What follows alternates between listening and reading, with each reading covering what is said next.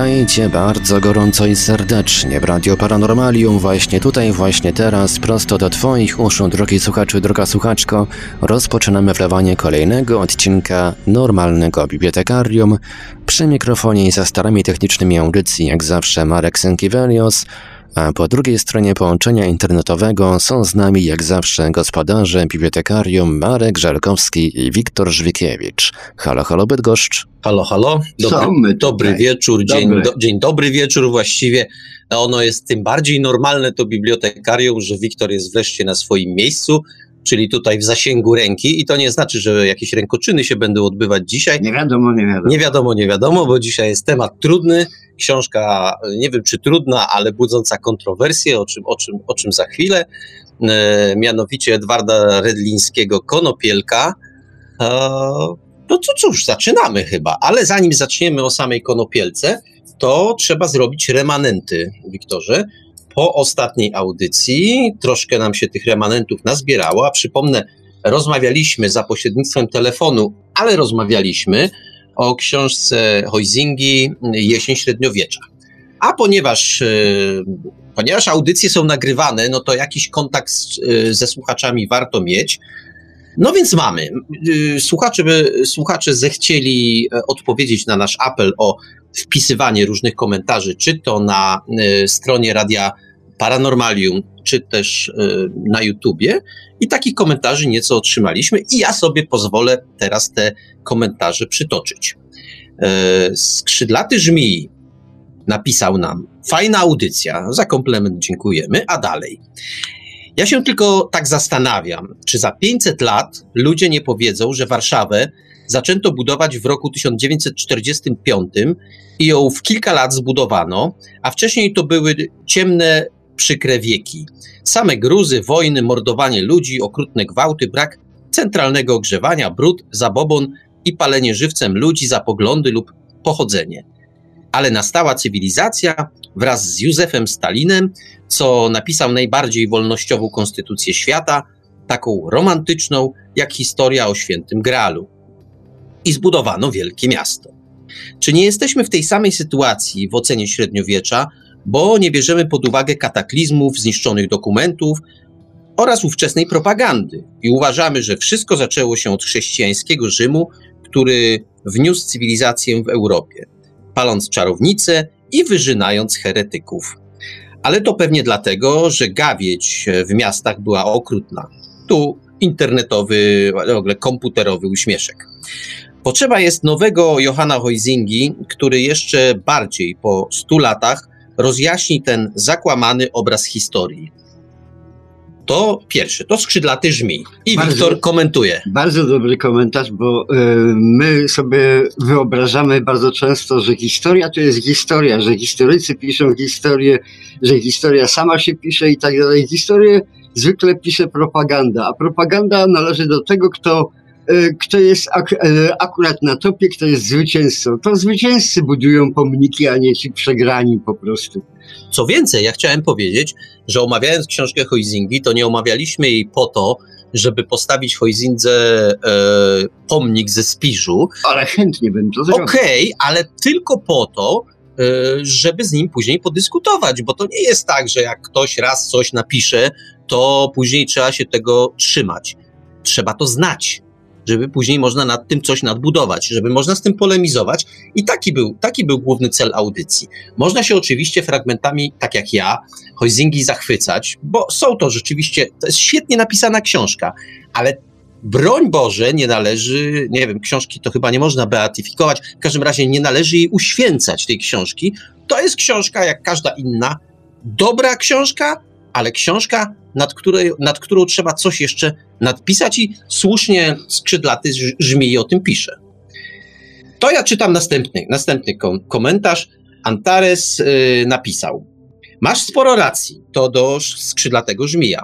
Przykładowo, gdybym zaczął wymieniać najpopularniejszych pisarzy polskich XIX wieku, takich, którzy publikowali yy, w największej liczbie egzemplarzy, to wierz mi, że większość nazwisk to byłyby, byłaby nieznana taki, takie Daniele stile XIX wieku, tyle że w spodniach.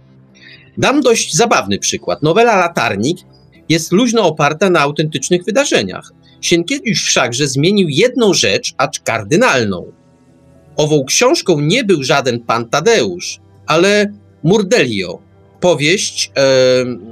To jest powieść, a tutaj uzupełnienie ode mnie, to jest powieść wydana, e, czy napisana przez rzeczywiście e, takiego bardzo poczytnego pisarza tamtych czasów, o którym dzisiaj już niewielu słyszało, a mianowicie przez Zygmunta Kaczkowskiego. To był facet, który ten święcił sukcesy dopiero. Co prawda, w pewnym momencie zarzucono mu, że jest e, szpionem i to takim donosicielem, który na powstanie donosił styczniowe ale rzecz się ostatecznie wyjaśniła dopiero po jego śmierci, e, więc nie przeszkodziło mu to w robieniu wielkiej kariery pisarskiej. I rzeczywiście Kaczkowski e, i jego na przykład, e, bo to nie jedyna książka oczywiście, ten Murdelio, to rzeczywiście, była, to rzeczywiście było dzieło, dzieło rozchwytywane na ówczesnym rynku, ale wracając do, do, do, wypowiedzi, do wypowiedzi Antaresa, nie żaden pan Tadeusz, a Murdelio czyli po prostu takie pulp fiction i to kiepskiego autorytamentu, autory, ta, a, autoramentu. autoramentu. Zawsze chcę tę sylabę więcej wstawić. Twórczość tego autora wtedy biła rekordy popularności, a nie Mickiewicz czy Prus. A komu dziś e, cokolwiek mówi nazwisko Kaczkowski? Niektóre nauki historyczne e, też są dosyć zwodnicze. Przykładowo, gdyby nie inne źródła, to można byłoby wysunąć e, z wykopków, archeolog- wysnuć z wykopków archeologicznych, że najazdu mongolskiego w 1241 roku nie było, bo śladów zachowało się, tu muszę przewrócić kartkę, tyle co kot napla- napłakał. Za to w wieku XVIII to pewnikiem ziemie polskie były pod okupacją chińską a to, mm, a to tymczasem nastała moda na chińszczyznę, zwłaszcza jeśli chodzi o wazy chińskie. Każdy z magnatów czy i szlachty miał ambicje posiadać coś takiego. Śladów jest więc mnóstwo. Po prostu to, co dociera z przeszłości do teraźniejszości, może wywoływać całkowicie zafałszowany obraz rzeczywistości. No, oczywiście. Oczywiście, że tak. Że tak. No, bardzo, bardzo są to y, takie trendy uwagi. Znaczy, bardzo, pasuj, bardzo, bardzo mi pasują, Wiktorowi zdaje się też. To jest ten sposób spojrzenia na historię, na rzeczywistość w ogóle, który nam bardzo odpowiada. Mówię w liczbie mnogiej mogę? Możesz, możesz. Mnie w tej chwili bardzo rozbawił y, na, na, na, na że tak powiem, na, po, po tej nocce obraz archeologiczny, jaki archeolodzy mogliby wysnuć z Chin. Z Polski. Z, Chin, z Chin, Aha, proszę z Chin. Ciebie, z Chin, które zostały, zostały kiedyś najechane przez Czechów. Naprawdę. Tak? Po prostu tak, w epoce kamiennej Czesi, że tak powiem, dostarczali tam e, e, krzemień bardzo, bardzo dobrej jakości, których, którego w Azji nie było. A Ale byli Czesi? No to byli tam, ten, to, to co tam żyło na Czechach, no Czechach i Morawach, no, że tak no powiem, właśnie. nie?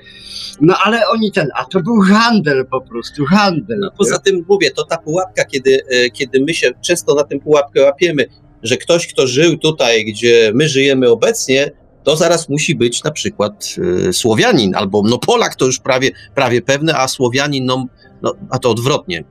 Odwrotnie. W każdym bądź razie, w każdym bądź razie e, chyba nie takie proste. Jeszcze następny komentarz, e, jeszcze raz Szczylaty Żmij się od, o, e, odezwał na e, stronie Radia Paranormalium. Co do średniowiecza, mnie zawsze denerwuje ta uproszczona ocena. Ludzie byli wówczas bardzo fanatycznie religijni i dlatego palili heretyków na stosach. A prawda jest taka, Jakie ludzie mieli wyjście wobec bezwzględnego terroru, postępu i tak dalej? Ludzie rąbali inkwizytorów siekierami, buntowali się, wszczynali wojny i rebelie przeciw opresji katolickiej. Katarzy, Albigensi, reakcja pogańska w Polsce albo trzy powstania Prusów przeciw yy, krzyżakom. Kryli się po lasach, praktykowali pogaństwo, dawną wiedzę, choćby zielarską, dawną kulturę, dawny alfabet, diabelskie pismo. Niestety, zostali pokonani. Dokumenty zostały zniszczone, historia, na ile się dało, zafałszowana. Chcieli żyć po swojemu, być wolni, cieszyć się życiem, praktykować swoją rodzimą kulturę, ale tak do końca się to nie udało. Podobnie jest teraz, więc raczej jest to historia wielkiej walki wewnątrz Europy. Kolejną niebraną pod uwagę rzeczą są kataklizmy związane z nimi wędrówki ludów, odbudowy, ponowne gromadzenie utraconej w kataklizmie wiedzy, a, na, mam na myśli choćby tak zwaną czarną śmierć. Zmiana elit rządzących, dynastii i granic państw po kataklizmach naturalnych. Jeszcze inna sprawa to niszczenie dokumentów i fałszerstwa, które były na porządku dziennym w średniowieczu. E, ja myślę, że to dobrze, że tego rodzaju głosy padły, bo one pozwalają do tego pięknego obrazu e, kreślonego przez Heusingę dołożyć jeszcze te elementy, o których wspominają nasi, nasi słuchacze, piszący w radiu e, na stronie Radia Paranormalium, że są też te elementy niedopowiedziane, że każda interpretacja historii będzie właśnie tylko interpretacją, bo nie, jest, nie mamy jeszcze machiny czasu, jeszcze się tam nie przenosimy i dlatego w jakiś sposób kawałek po kawałeczku musimy mozolnie odbudowywać e, tę, tę konstrukcję, a czy nam się to udaje, no różnie bywa. Wiesz, mam takie wrażenie, że, że, że razem ze średniowieczem skończyła się również epoka historii jako takiej. Kiedyś ludzkość pisa, była opisywana przez historię, to znaczy historia pisała dzieje. Dzisiaj od czasu, że tak powiem, kiedy, kiedy yy, jaśnie wielmożna demokracja zapanowała na świecie, to właśnie historia się skończyła.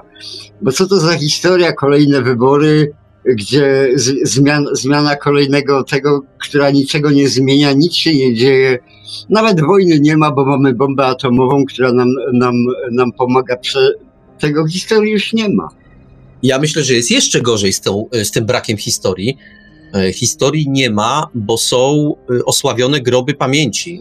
To określenie zaczerpnięte z Orwella, ale zobacz, w tej chwili e, na wydawać by się mogło, że ponieważ jest demokracja i w ogóle jest fajnie, wielki cudzysłów tu postawiłem, to historia się może rozwijać, badania historyczne się mogą rozwijać a jest wręcz przeciwnie.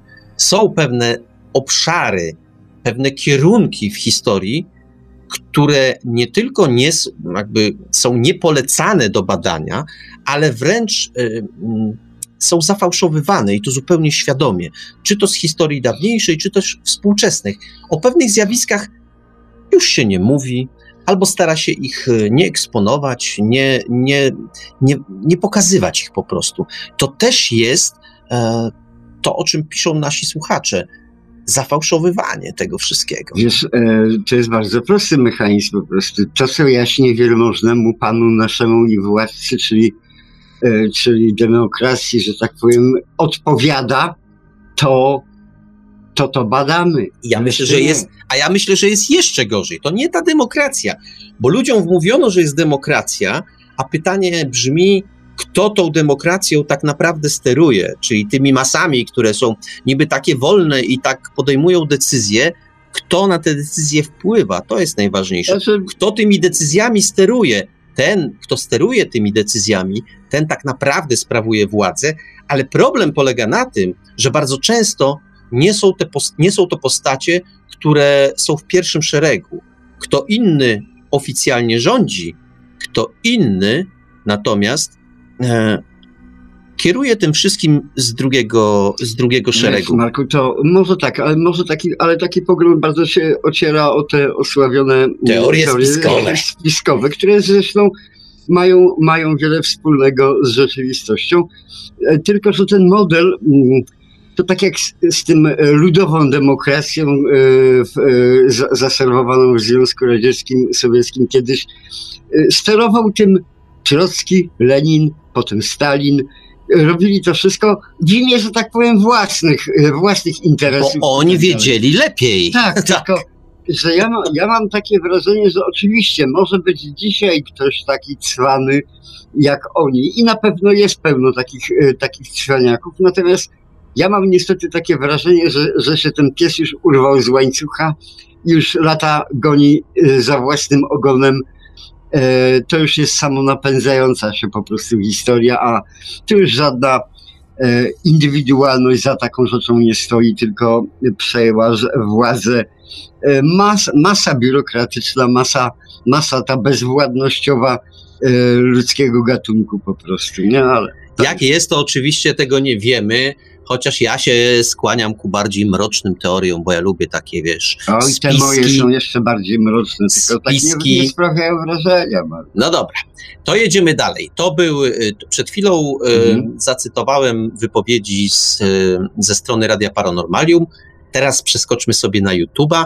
Mm, Danuta Dyzio napisała: Audycja odsłuchana, wszystkie tematy ciekawe, daję łapkę w górę. Bardzo dziękujemy i polecamy się, polecamy się na przyszłość. Y, Łapki w górę, komentarze, y, czy jakieś jeszcze y, inne, na przykład przekazane nam e, życzenia co do następnych audycji są bardzo mile widziane właśnie na YouTubie. Ale czytam dalej. E, Jeszcze nie wysłuchałem wszystkich audycji. Życzę zdrowia, to do ciebie szczególnie. Dalej. e, Wiesz, e, życzenie zdrowia to zwykle było przy kieliszku. Zawsze sobie możesz ten kieliszek zafundować po powrocie do domu. E, przypominam, że od dobrych 10 lat stoi tam te pół flaszki whisky i ono sobie stoi i stoi i stoi patrzy na Wiktora. Wiktor też mu czasami pomacha, ale to jest cały, cały kontakt Wiktora z tąże flaszką whisky. E, dalej. Obi-Wan napisał. Wyszedł chyba jeden z najbardziej niepoprawnych politycznie odcinków. I dobrze, bo przy okazji bardzo ciekawy. Zdrowia dla pana Wiktora. To już masz drugie życzenia.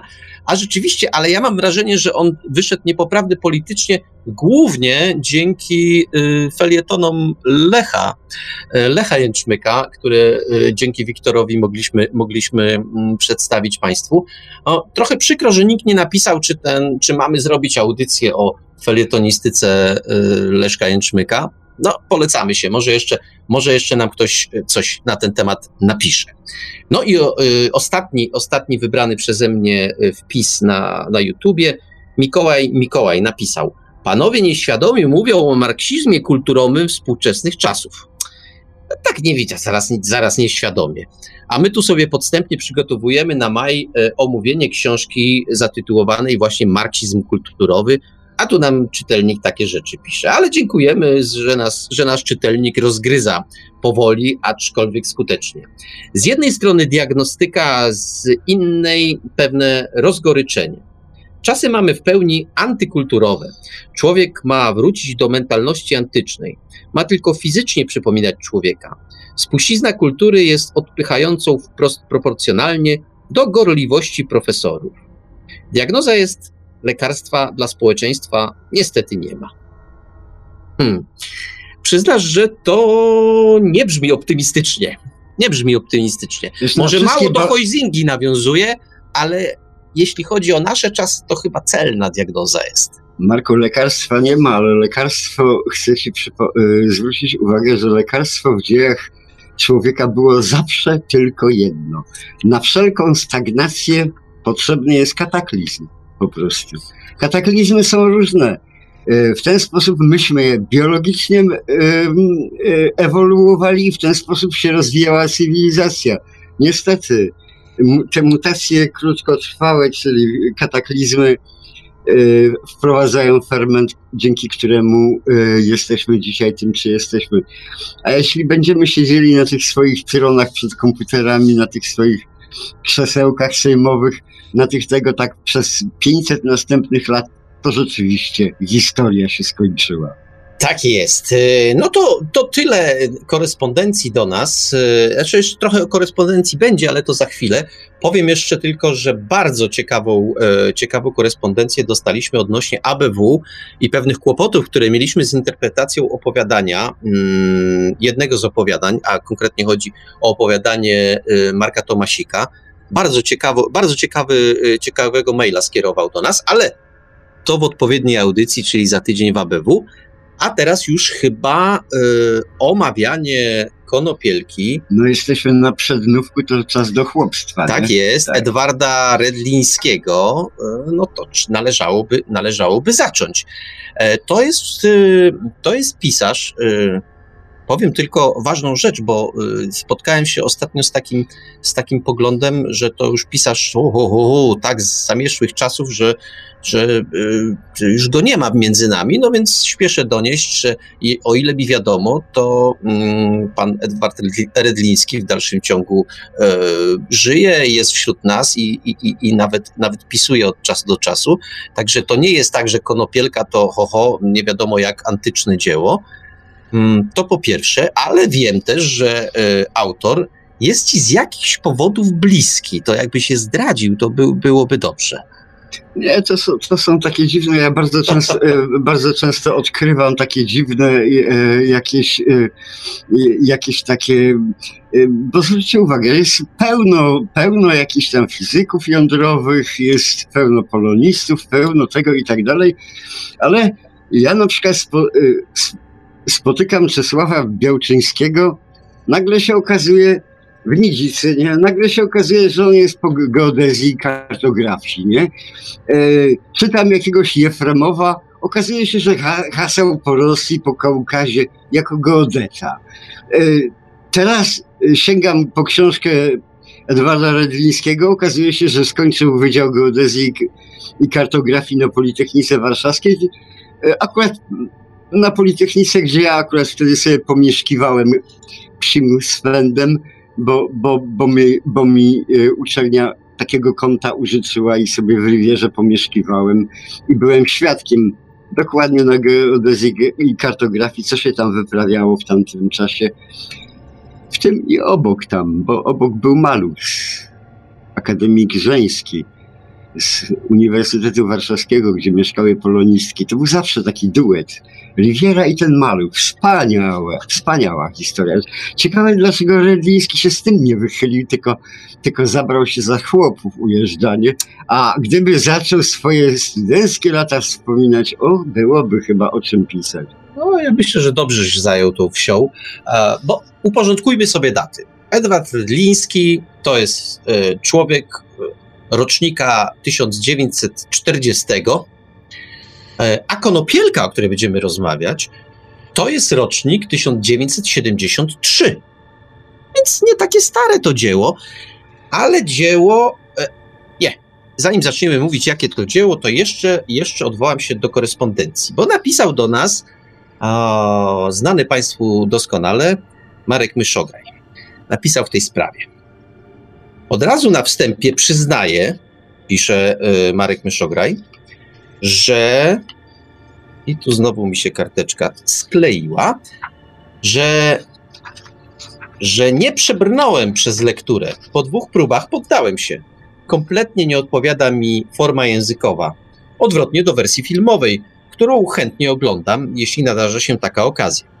Przeciwieństwem tej sytuacji jest ekranizacja chłopów, która odrzuca, która odrzuca z fotela, a od książki nie można się wręcz oderwać. Raymond, pomimo że jego świat wydaje się być podobny z tym z konopielki, prowadzi czytelnika w jakiś zadziwiający sposób do samego końca. Odkładając chłopów, chce się do nich ponownie wrócić, zasmakować tamtejszych potraw, poczuć zapach wiosny, siana i sieni. W końcu utożsamić się z bohaterami. Aż szkoda, że Raymond nie pociągnął tej historii dalej. Rany boskie, to cztery tomy są. Znam takich uczniów szkoły średniej, którzy nawet przez kawałek tego tomu nie przebrnęli. Ale rozumiem to, co. Znaczy, dobrze czuję to, co, co, co pisze Marek Myszogaj. Wrócę jeszcze do tej korespondencji. Mam inne propozycje, a to już odnośnie y, następnych audycji. Y, może coś, choć kilka słów o przebudzeniu Lewiatana, może o książce Samotność w sieci, która w swojej wielowątkowości, podobnie jak Kadyna, powala z nóg. Może powieść Kane Abel, e, Jeffrey'a Archera, e, gdyż styl tworzenia historii i napięcia są godne uwagi. Może w końcu Ojciec Chrzestny, gdyby, chyba nie trzeba tłumaczyć dlaczego, ale gdyby jednak pojawiło się takie pytanie, to zajebiście opisane są tutaj interakcje międzyludzkie, e, międzyrodzinne powiązania, zależności i tak dalej. Z poważaniem Marek Myszogaj. To tyle, tyle, tyle korespondencji. Myślę, że dyskusję na temat y, konopielki Edwarda Rydlińskiego. Czas zacząć, Wiktorze. To zacznij. Ja tylko może pociągnę to, to co Myszogaj tutaj rzucił. Otóż e, Konopielka ma właściwie trzy odsłony. Pierwszą odsłoną te, tego dzieła jest e, sama literatura, sama książka jako taka, drukowana, którą można przeczytać. Drugą odsłoną e, tego dzieła jest na pewno film e, zrobiony według tej książki. Wreszcie trzecią odsłoną jest czytanie tej książki przez lektora. E, nie wiem, czy byli, były inne próby, ale my jesteśmy zapoznani z wersją od, przeczytaną przez Siemiona, wybitnego kiedyś ak, e, e, aktora i rektora szkoły filmowej. E, powiem tylko, że notabene e, Siemion e, miał takie. Lubił e, kulturę ludową, tak to określmy. On się nią fascynował. On w ogóle sam wyglądał bardzo ludycznie. To po pierwsze, to po pierwsze, a po drugie, e, śpieszę donieść, że ten audiobook, jak sobie dobrze pogooglacie Państwo e, na YouTube, że nawet nie trzeba, na YouTubie w wyszukiwarce można wyszukać, albo w Google, to znajdziecie. On jest tak półoficjalnie dostępny. Warto, jeśli nie całości, to posłuchać chociaż kawałka. No bo to jest. Marko, nie To da jest rady. dzieło samo w sobie. Nie da rady. A no właśnie. Jak się zacznie słuchać kawałek, to się będzie słuchało Siemiona do końca, gdyż to jest zupełnie inna bajka. Mówisz to, Ten facet. mówisz to tak. z autopsji. Z autopsji tak? po prostu. Ja nie miałem zamiaru tego słuchać do końca, bo, bo, bo tylko książkę się znasz. zorientować, a czytałem kiedyś, więc tam nie, niewiele ten. Natomiast y, ugrzęzłem jak w bagnie po prostu w tych jego y, siemionowych przytupach, zaśpiewach, y, stękaniach i tak dalej, bo wszystko jest odtworzone. Y, Co to znaczy? To znaczy, że że w Konopielce Edward Rydliński dał y, materiał, materiał, który, k- który y, jest przeznaczony dla aktorów. Aktor musi sobie właśnie pośpiewać, przytupać i tak dalej. Tutaj jak akurat mieliśmy e, ko- korespondencję e, z, z Myszograjem, to ja mu na przykład zwrócę uwagę, y, że w jego przeze mnie bardzo lubionych cyklu akta, mm, który w ABW prezentujemy, otóż w, ta, w, tym, w tych aktach jego jest wszystko, ale nie ma tego, co jest w Konopielce. To znaczy, otóż nie ma strawy dla aktorskiej grania, żeby sobie mógł poseplenić ten aktor, postękać, pobujać w obłokach, tego słowa, które się płynie, leje, coś takiego. Zwróć, yy, Mysza Graj uwagę na to, że jak się e, czymś bardzo podobnym e, jest u Strugackich w Ślimaku na zboczu t- ta cała sekwencja lasu.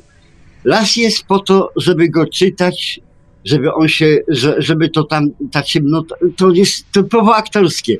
Fabuła powieści jest w tych, w tych Pozostałych częściach. pozostałych a tamto to jest aktorstwo, klimat i tego. I y, ja Myszograj radzę ci, zrób coś podobnego w aktach. Y, To aż się prosi. W tej wersji książkowej, Tak, bo, mówiliśmy. bo z drugiej strony, tak jak ja mówię, e, w, w Konopielce jest wszystko, czego, czego brakuje w aktach, a, a z drugiej strony akta mają to, czego totalnie brakuje Konopielce. A, o tym jeszcze pogadamy. Natomiast y, tak, ja się zgadzam. E, Bo ja podobnie jak, y, może nie z takim skutkiem, ale ja też miałem kłopoty dawno, dawno temu, żeby się za konopielkę wziąć. I próbowałem, próbowałem, bo ja zawsze byłem taki wredny, wrednym małym y, czytaczem, który mówił sobie, ja tego nie przeczytam? O, oczywiście, że to przeczytam. No i przy Konopielce było tak, że się też zabierałem kilka razy. W końcu to, w końcu przez to przebrnąłem, ale bez przyjemności, przyznam się. To były te pierwsze razy gdzieś w głębokich latach 80. Mm, No przeczytałem, no bo, bo nie wiem, czy wypadało, bo miałem taką ambicję, że chciałem to przeczytać. Nie żałowałem, ale żebym był specjalnie po, po, pochwycony. Może byłem za młody po prostu. ale dzisiaj wiem, e, po tych różnych doświadczeniach, i po czytaniu, i po słuchaniu Siemiona, i po filmie, że siła konopielki tkwi właśnie w tym języku, w tym, że, y, że tak jak powiedziałeś, to jest materiał, nie wiem, na monodram chociażby.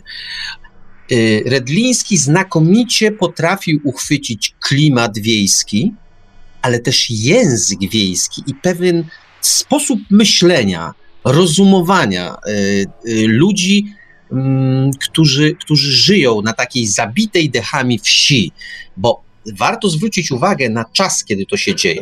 To jest czas, kiedy w Polsce y, jest elektryfikacja, więc należy sądzić, że mamy do czynienia no, z latami 50. E, to, to zresztą się tam pojawia ten motyw elektryfikacji. Ale co jeszcze ważne, Redliński e, w swojej książce zrobił kilka takich zabiegów, na które ja, jako e, późny nastolatek czytający pierwszy raz Konopielkę, w ogóle nie zwróciłem uwagi.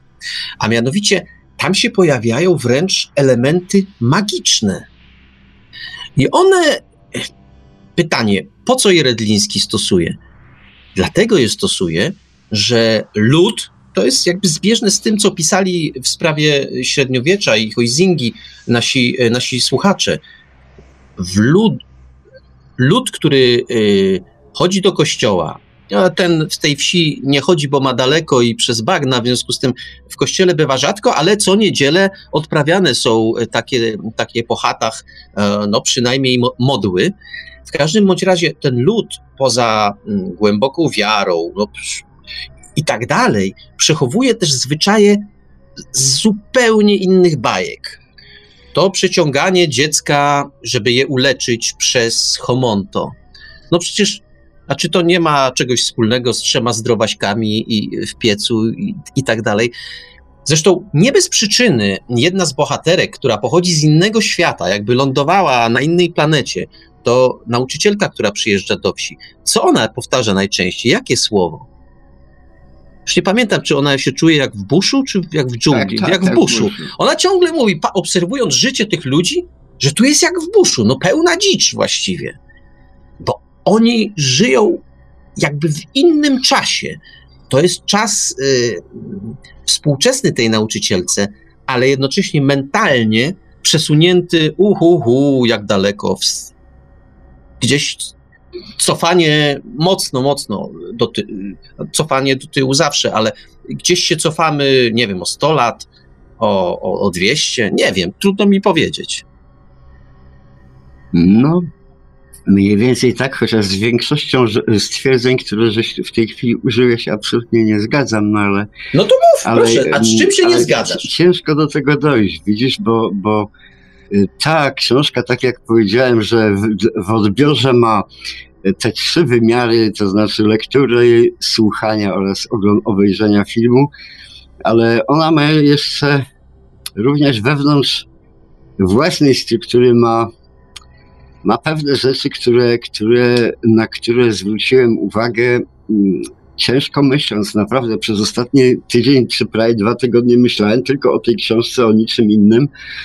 E, otóż e, widzisz, jest, jest tak, je, mam ogromny kłopot, bo cokolwiek nie powiem o tej książce, to nie będzie to, co bym chciał powiedzieć, nie? A problem, e, problem wynika stąd, że że ta wielowymiarowość tej książki i jednocześnie przerażająca płaskość to idzie w parze czasami, idzie w parze właśnie, jest, jest bardzo trudna do rozgryzienia. Otóż, jakby to powiedzieć, na pewno Rydliński, jak przystało na, na absolwenta e, geodezji i kartografii, to był um, miał zawsze umysł w pełnym sensie ścisły, z tym dopaleniem artystycznym. Co wykonał? Otóż wykonał niesamowitą robotę. Y, Konopielka jest y, z wszystkimi odniesień, odniesieniami, relacjami, jest piekielnie precyzyjnym mechanizmem. To jest tam wszystko działa jak w zegarku szwajcarskim. Jeśli gdzieś ktoś nadepnął coś, to ktoś na pewno się za tym obejrzy ten. Jeżeli gdzieś na końcu jakiś tam jałowiec będzie usychał, to dlatego, że przedtem mu się podcięło korzenie. Wszystko w tej książce jest absolutnie precyzyjne, bo to robił w pewnym sensie matematyk. Z drugiej strony ten sam matematyk posługiwał się językiem, który jest arcydziełem zupełnie. To wszystko jest piekielnie plastyczne, co powiedziałem, wykorzystuje Siemion i aktorzy w filmie. E, wykorzystują zabawa po pachy. Również dla mnie zabawa. Słuchałem e, tej książki w wykonaniu Wojciecha Siemiona, e, wzruszałem się, śmiałem do rozpuku z mnóstwa rzeczy i tak jechałem i byłem tak po jednej trzeciej, po dwóch trzecich i bez przerwy myślałem. I po pewnym czasie, czasie zaczęły mnie nachodzić takie refleksje. Z czego się śmiejesz, idioto? Z czego? Przecież to w tej książce, z czego ty się śmiejesz, jest takim prostactwem, takim prymitywizmem, takim gównem, że aż przerażenie człowieka ogarnia. E, zapytasz mnie, a cóż takiego żeś tam dostrzegł? Otóż tak, dostrzegłem. Wiesz, jak Edward Żeliński, co prawda, był pochodzenia chłopskiego, ale, ale z tym chłopcem chyba niewiele miał do czynienia, bo, e, że tak powiem, zresztą ci prze, e, wszystkie przechcy bardzo chętnie zwalają wszystko na, na swoje, swoje rodowody, że tak powiem, jakoś tam mieszają. Natomiast y, muszę ci powiedzieć, że y, do jednej trzeciej tej książki, która jest cudowna, do, śmier- do śmierci y, najmłodszej córeczki, ja jeszcze wszystko łykałem tak jak to sobie e, e, Liński prawdopodobnie zaplanował. Natomiast po, e, od takich dwóch, jednej trzeciej na pewno zaczęły mi włosy stawać dęba na głowie. Otóż co namiętnie robi Redliński w tej książce? Po pierwsze, z tych chłopów, do których się odwołuje, którymi jesteś zachwycony, robi absolutnych idiotów. To są kretyni, to jest banda. W ogóle główny bohater jest ma, ma inteligencję, Boże, muła to ciężko, ciężko y, w ogóle powiedzieć. Inteligencji nie posiada żadnej.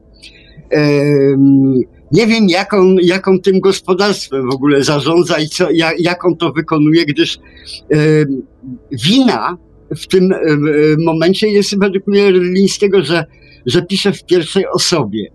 E, gdyby pisał to z zewnątrz, tak jak jest w filmie zrobione, to patrzymy na świat i możemy interpretować jakoś dowolnie.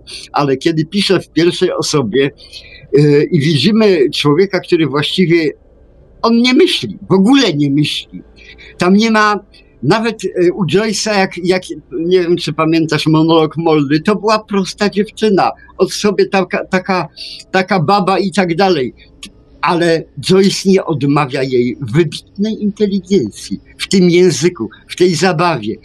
A Edward Redliński, zobacz co robi. Ja może nie wiem, e, o ile kiedyś słyszałem, jak, jak, e, jak Iwelios wychylał się z różnymi tekstami po śląsku. Ja mam do Iweliosa e, prośbę. Mógłbyś jakiś walnąć, walnąć jakimś tekstem po śląsku? Ale to za chwilę to za chwilę y, y, y, zwrócimy się do Iweliosa. E, natomiast ja bym chciał Ci coś, coś powiedzieć e, na ten temat. Mo, moim zdaniem, e, kiedy Ty mówisz o tym, że, że mm, Redliński nie dał swoim bohaterom inteligencji, to używając słów zabawnych, jesteś w mylnym błędzie bo ty oceniasz to przez swój pryzmat. Nie. Moim zdaniem tak. Oni nie są, oni działają w innym świecie, to jest inna inteligencja. Oni się działa, oni żyją w świecie, po części żyją w świecie mitu. Zobacz, tam każdy element życia ma swoją opowieść. A dlaczego tam na przykład y, y, ten. Y, pamiętasz, jest taki fragment, gdzie oni tłumaczą dzieciakom różne elementy życia że to pochodzi od tego, że to jest takie. Ale jeśli się zainteresujesz tym, jak tworzone są mity, to właśnie tak. One właśnie tak funkcjonują w niektórych E, tak, społecznościach. Tak uważają inteligenci, proszę ciebie, i artyści, e, patrząc na. Nie, na, tak uważają też badacze Nie. mitu. Tak, oczywiście, że e, tak. e, Tu się, tu się y, akurat odwołam do tego, co, do tego, co y, ty lubisz się powoływać, y, ja zresztą też, na Eliadego, to Eliade o tym pisze, że pewne społeczeństwa są, społeczeństwa, pewne, pewne grupy są za, wręcz zanurzone w micie. I ja mam takie wrażenie, że bohaterowie książki Redlińskiego, ci główni bohaterowie, są właśnie w tym micie zanurzeni. I ja nie mam wrażenia, że główny bohater jest idiotą. Ja mam wrażenie, że on żyje w świecie innym niż mój. On z mojego punktu widzenia może idiotą jest, ale ze swojego punktu widzenia idiotą nie jest. Zobacz, odwołam się do sceny, do sceny, yy, do sceny yy, zebrania, kiedy przyszli ci, przyjechali ci z miasta i im tłumaczą. Zobacz, dlaczego jedni drugich nie rozumieją? Ponieważ każdy i jedna i druga grupa operuje innymi pojęciami, innymi, innym systemem myślenia. Oni się nie mogą dogadać. Nie dlatego, że jedni są mądrzy, a drudzy głupi, tylko dlatego, że każda z tych grup myśli po swojemu. I moim zdaniem nie masz racji, kiedy mówisz, że, że Gliński zrobił z głównego bohatera idiotę. Ja mam wrażenie, że on opisał stan umysłu, który na przykład tobie i mnie jest niedostępny. My tak nie działamy, nie myślimy tak. Wszystko bardzo pięknie, ale, ale my zupełnie, Marko, o czym innym mówimy. Ja mówię o czymś takim, że, że po prostu to są, to są postacie u, ni z gruchy, ni z pietruchy, u, wyrwane, wymyślone przez inteligenta, nie wzięte w ogóle absolutnie z życia, z bardzo prostego powodu. Te wszystkie mity, o których mówisz, to jest tak samo jak z religią. Wierzymy albo nie wierzymy, wierzymy w mity, to wszystko jest, to jest gdzieś, ale poza tym jesteśmy ludźmi racjonalnymi, którzy mają do wykonania pewne zadania życiowe, które, które dbają o, o to, żeby przynajmniej balansować na, na, e, na, na, w, w jakiejś takiej rzeczywistości i tego racjonalizmu chłopskiego nie ma w tym opowiadaniu za grosz. Ależ jest. Jest tylko balanga Nie intelektualna. balanga intelektualna, bo kiedy oni przyciągają chore dziecko przez, y, przez, y, y, przez co oni je przyciągają? Przez homo. Przez homonto, to dla nas jest to bzdura, a dla nich jest to prawda ich świata. Nie jest to żadna Ale ja dlaczego nie? To dlaczego? To jak y, w takim razie opisywano, y, opisywano y, spa, trzy zdrowaśki i spalenie w piecu, to też, też, było, też było wymyślone, tak? Otóż niestety dla nich to była prawda i to była dla nich racjonalność. Dla nich racjonalne było przeciąganie przez to homonto, ponieważ to miało leczyć. Skąd się wzięły tego? Jeśli w ten sposób będziemy postrzegali e, dwudziestowieczną również wieś chłopską w Polsce, to ja życzę Ci również powodzenia, łącznie z Redlińskim. po Ale proszę cię bardzo, No. y, nie uwzględniasz jednej rzeczy, bo ty patrzysz, ty żyjesz tutaj, na Kujawach, y, Pomorzu, na granicy Kujaw i Pomorza, ewentualnie znasz wieś wielkopolską. Natomiast Redliński opisuje konkretne miejsce na ziemi. To jest wieś białostocka. Y, Ja z, znam wieś białostocką. I proszę ciebie, pod koniec lat 70., to na tej wsi było tak, że jak ja tam pojechałem po raz pierwszy, to też miałem przez chwilę takie wrażenie, nie ujmowałem tego w, tych, w te słowa, ale też miałem wrażenie, że się gdzieś w buszu znajduję. Zupełnie to inaczej wygląda, zupełnie.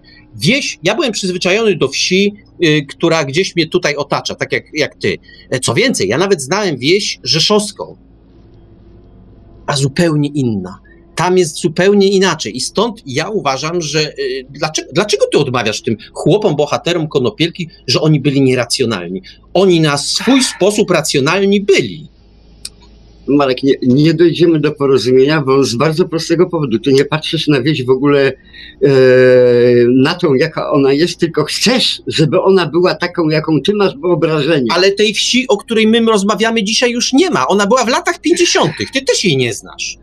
Tak, ale ja znam historię zaścianków szlacheckich na Litwie, takich samych zadupiastych wioseczek le, w, le, w lesie, gdzie smolarze wytapiali smołę i tak dalej, gdzie była ciemnota, smród i ubóstwo. I to nie było tak jak w Konopielce. To na czym polegała ciemnota? będzie. To na czym polegała tam ciemnota? Właśnie jeżeli jej nie było, tej ciemnoty nie ma. A co to jest ciemnota? Ciemnota, proszę ciebie, to jest właśnie wyobrażenie intelektualistów i artystów współczesnego miejskiego lumpenproletariatu, bo Redliński jest ewidentnym przedstawicielem tego inteligencji lu- lumpenproletariackiej, która opisuje em, świat chłopski, posługując się zresztą e, zupełnie wyssanymi z palca i nieprawdziwymi e, wyobrażeniami, ale bardzo pięknie pasującymi do koncepcji. Ale bardzo wymyślonej. cię przepraszam. Y, Zobacz, bo ty tak lubisz na Redlińskiego nadawać, a Myszograj powołał, się- powołał się na Reymonta i na chłopów. Ależ to jest zupełnie inna bajka. Tak? Ależ oczywiście. A nie że ma tak. tam takich zachowań? Ależ nie, Nie ma? nie. A dlaczego jeden z bohaterów gotowy sobie jest obciąć nogę, byle nie pójść do szpitala? Marku, to jest praktyka zresztą, e, wiesz, jak moi przyjaciele e, z zespołu Varieté dostali powołanie do wojska, to natychmiast pojechali do świecia, czyli dla, do, do, do przybytku dla wariatów, żeby się przed wojskiem obronić. Te mechanizmy obrony przed czymś e, są takie same w każdej kulturze, to nie ma nic No, ale przed wspólnego. czym?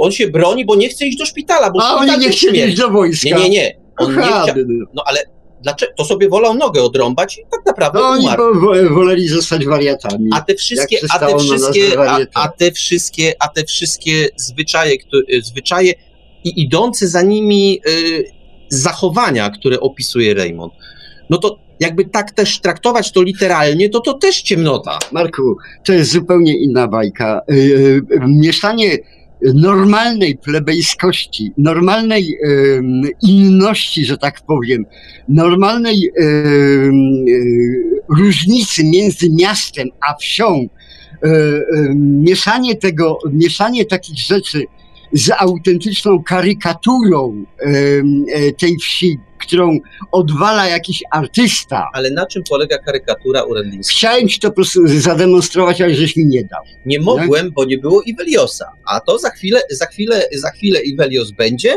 i będziesz, y, y, będziemy mogli to pokazać. Iweliosie, Iweliosie, Jestem, Halo, jestem. halo? Jestem, jestem. Je, je, jesteś, jesteś. No to, no to, to, to teraz Wiktor ma dla ciebie zadanie. No, może to zadanie, może zresztą nie wiem, czy ja z tego wybrnę, jeśli, jeśli się tym posłużę, ale po prostu kiedyś słyszałem, jak Iweliusz się wychylał z takimi tekstami jakimiś e, na, mój, o- na moje ucho śląskimi i tak dalej. Mógłbyś coś, e, Iweliusz, zaserwować po śląsku? Daj se pozorne te glańzy, bo cię dupnie bana. Fajne, nie?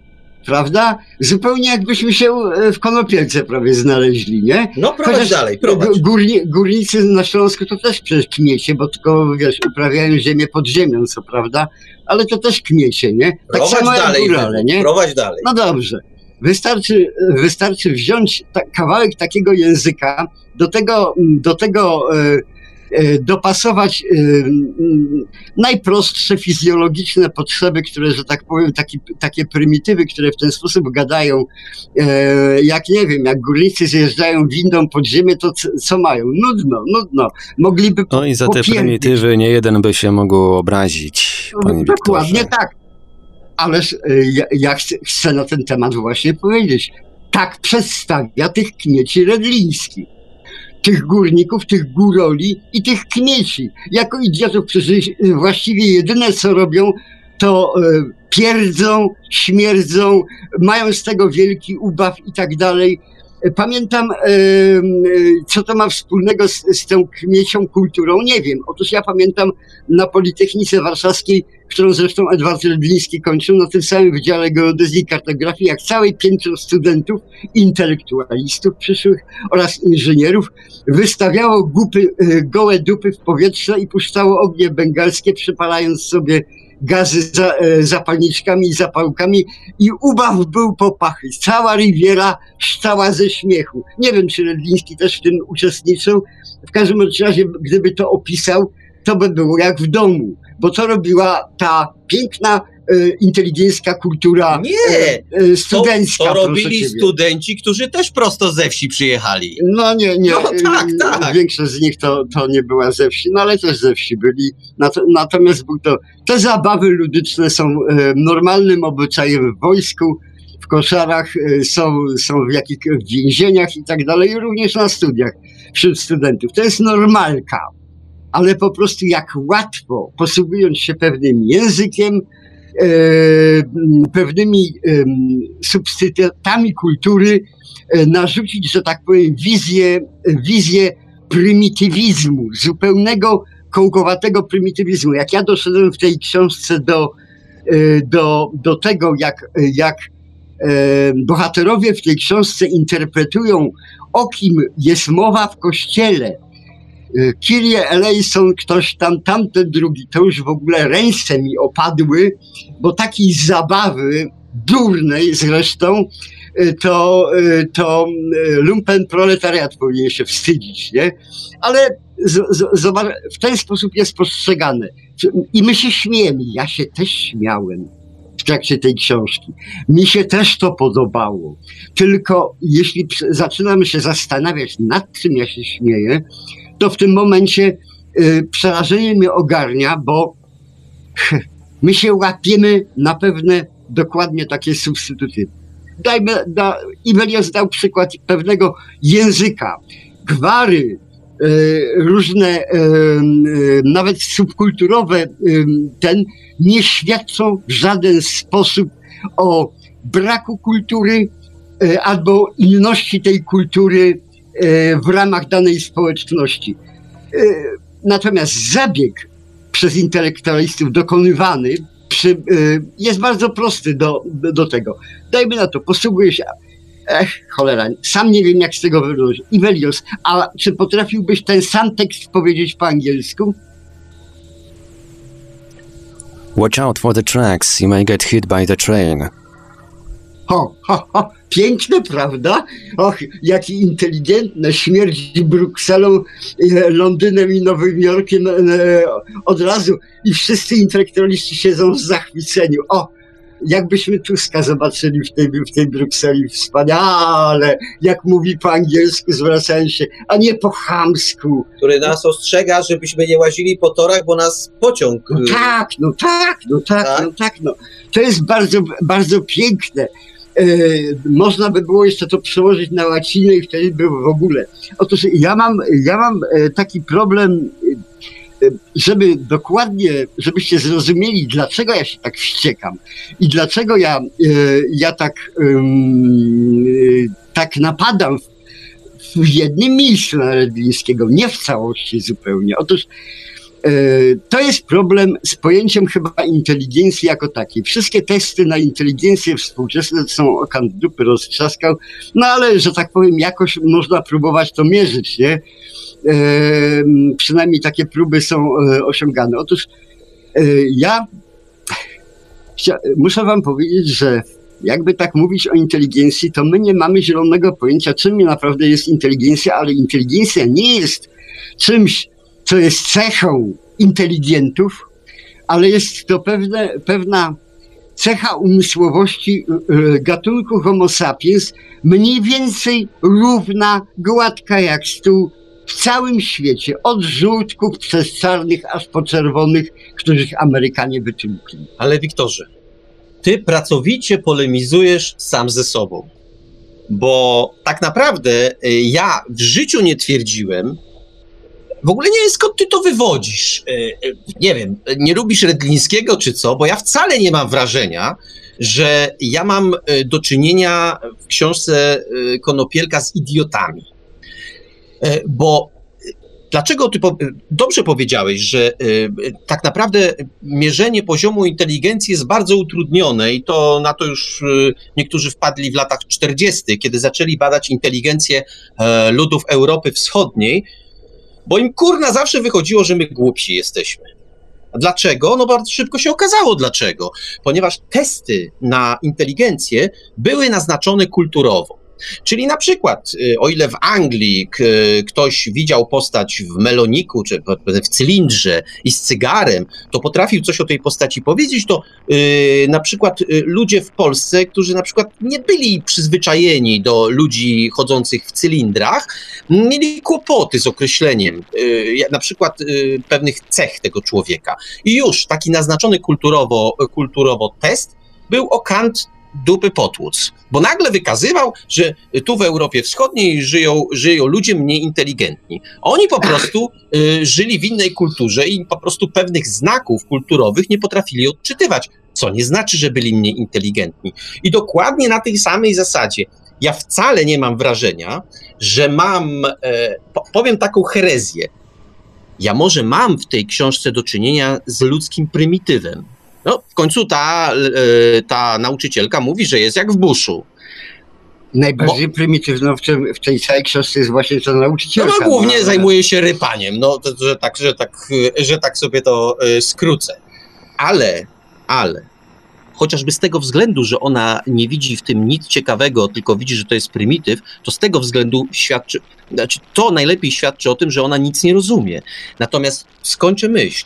Ja wcale przez całą książkę nie miałem wrażenia, że mam do czynienia z ludźmi prymitywnymi.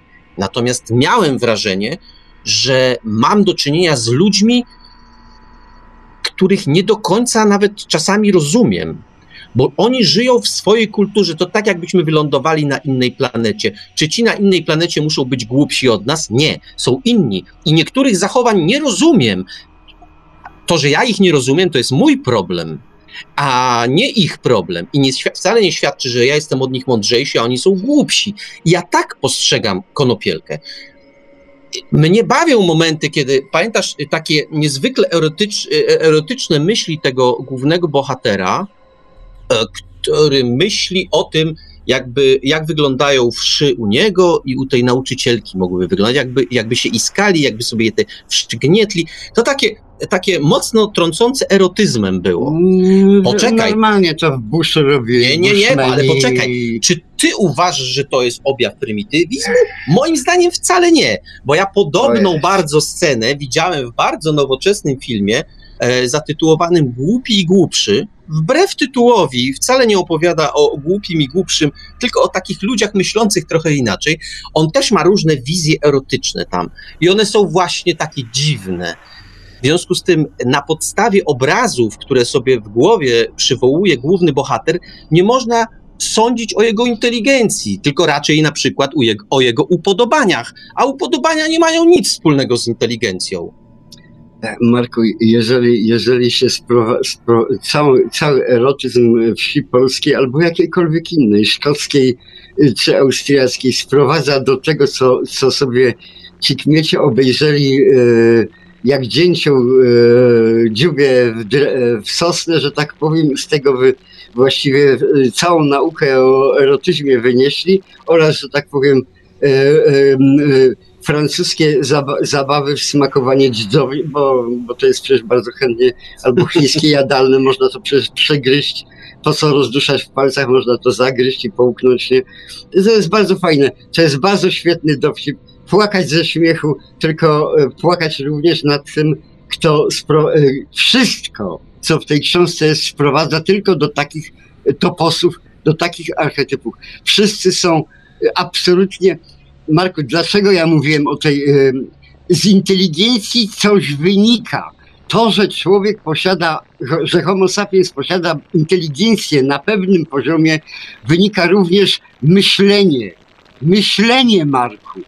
Y, ci ludzie w Konopielce w ogóle nie myślą. Nieprawda, nieprawda, myślą. Ale podaj przykład, dlaczego nie myślą. Y, główny bohater w ogóle nie myśli.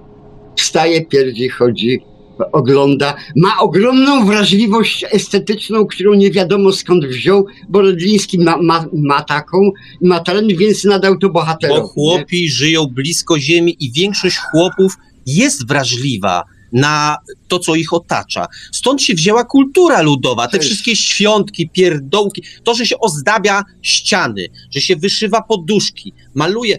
Zobacz, jak wieś wyglądała. Ona była cała ozdobiona, bo oni wrażliwi byli po prostu na to. To co, że świadczy o braku inteligencji? Nie, nie, nie Pintor, Marku. Ja No, ale zupełnie o czym. Ale o czym ty tym- mówisz? Ja no mówię to powiedz o, jasno. tym- o tym dokładnie tak. A gdzie w tej powieści masz cokolwiek, jakąkolwiek kulturę?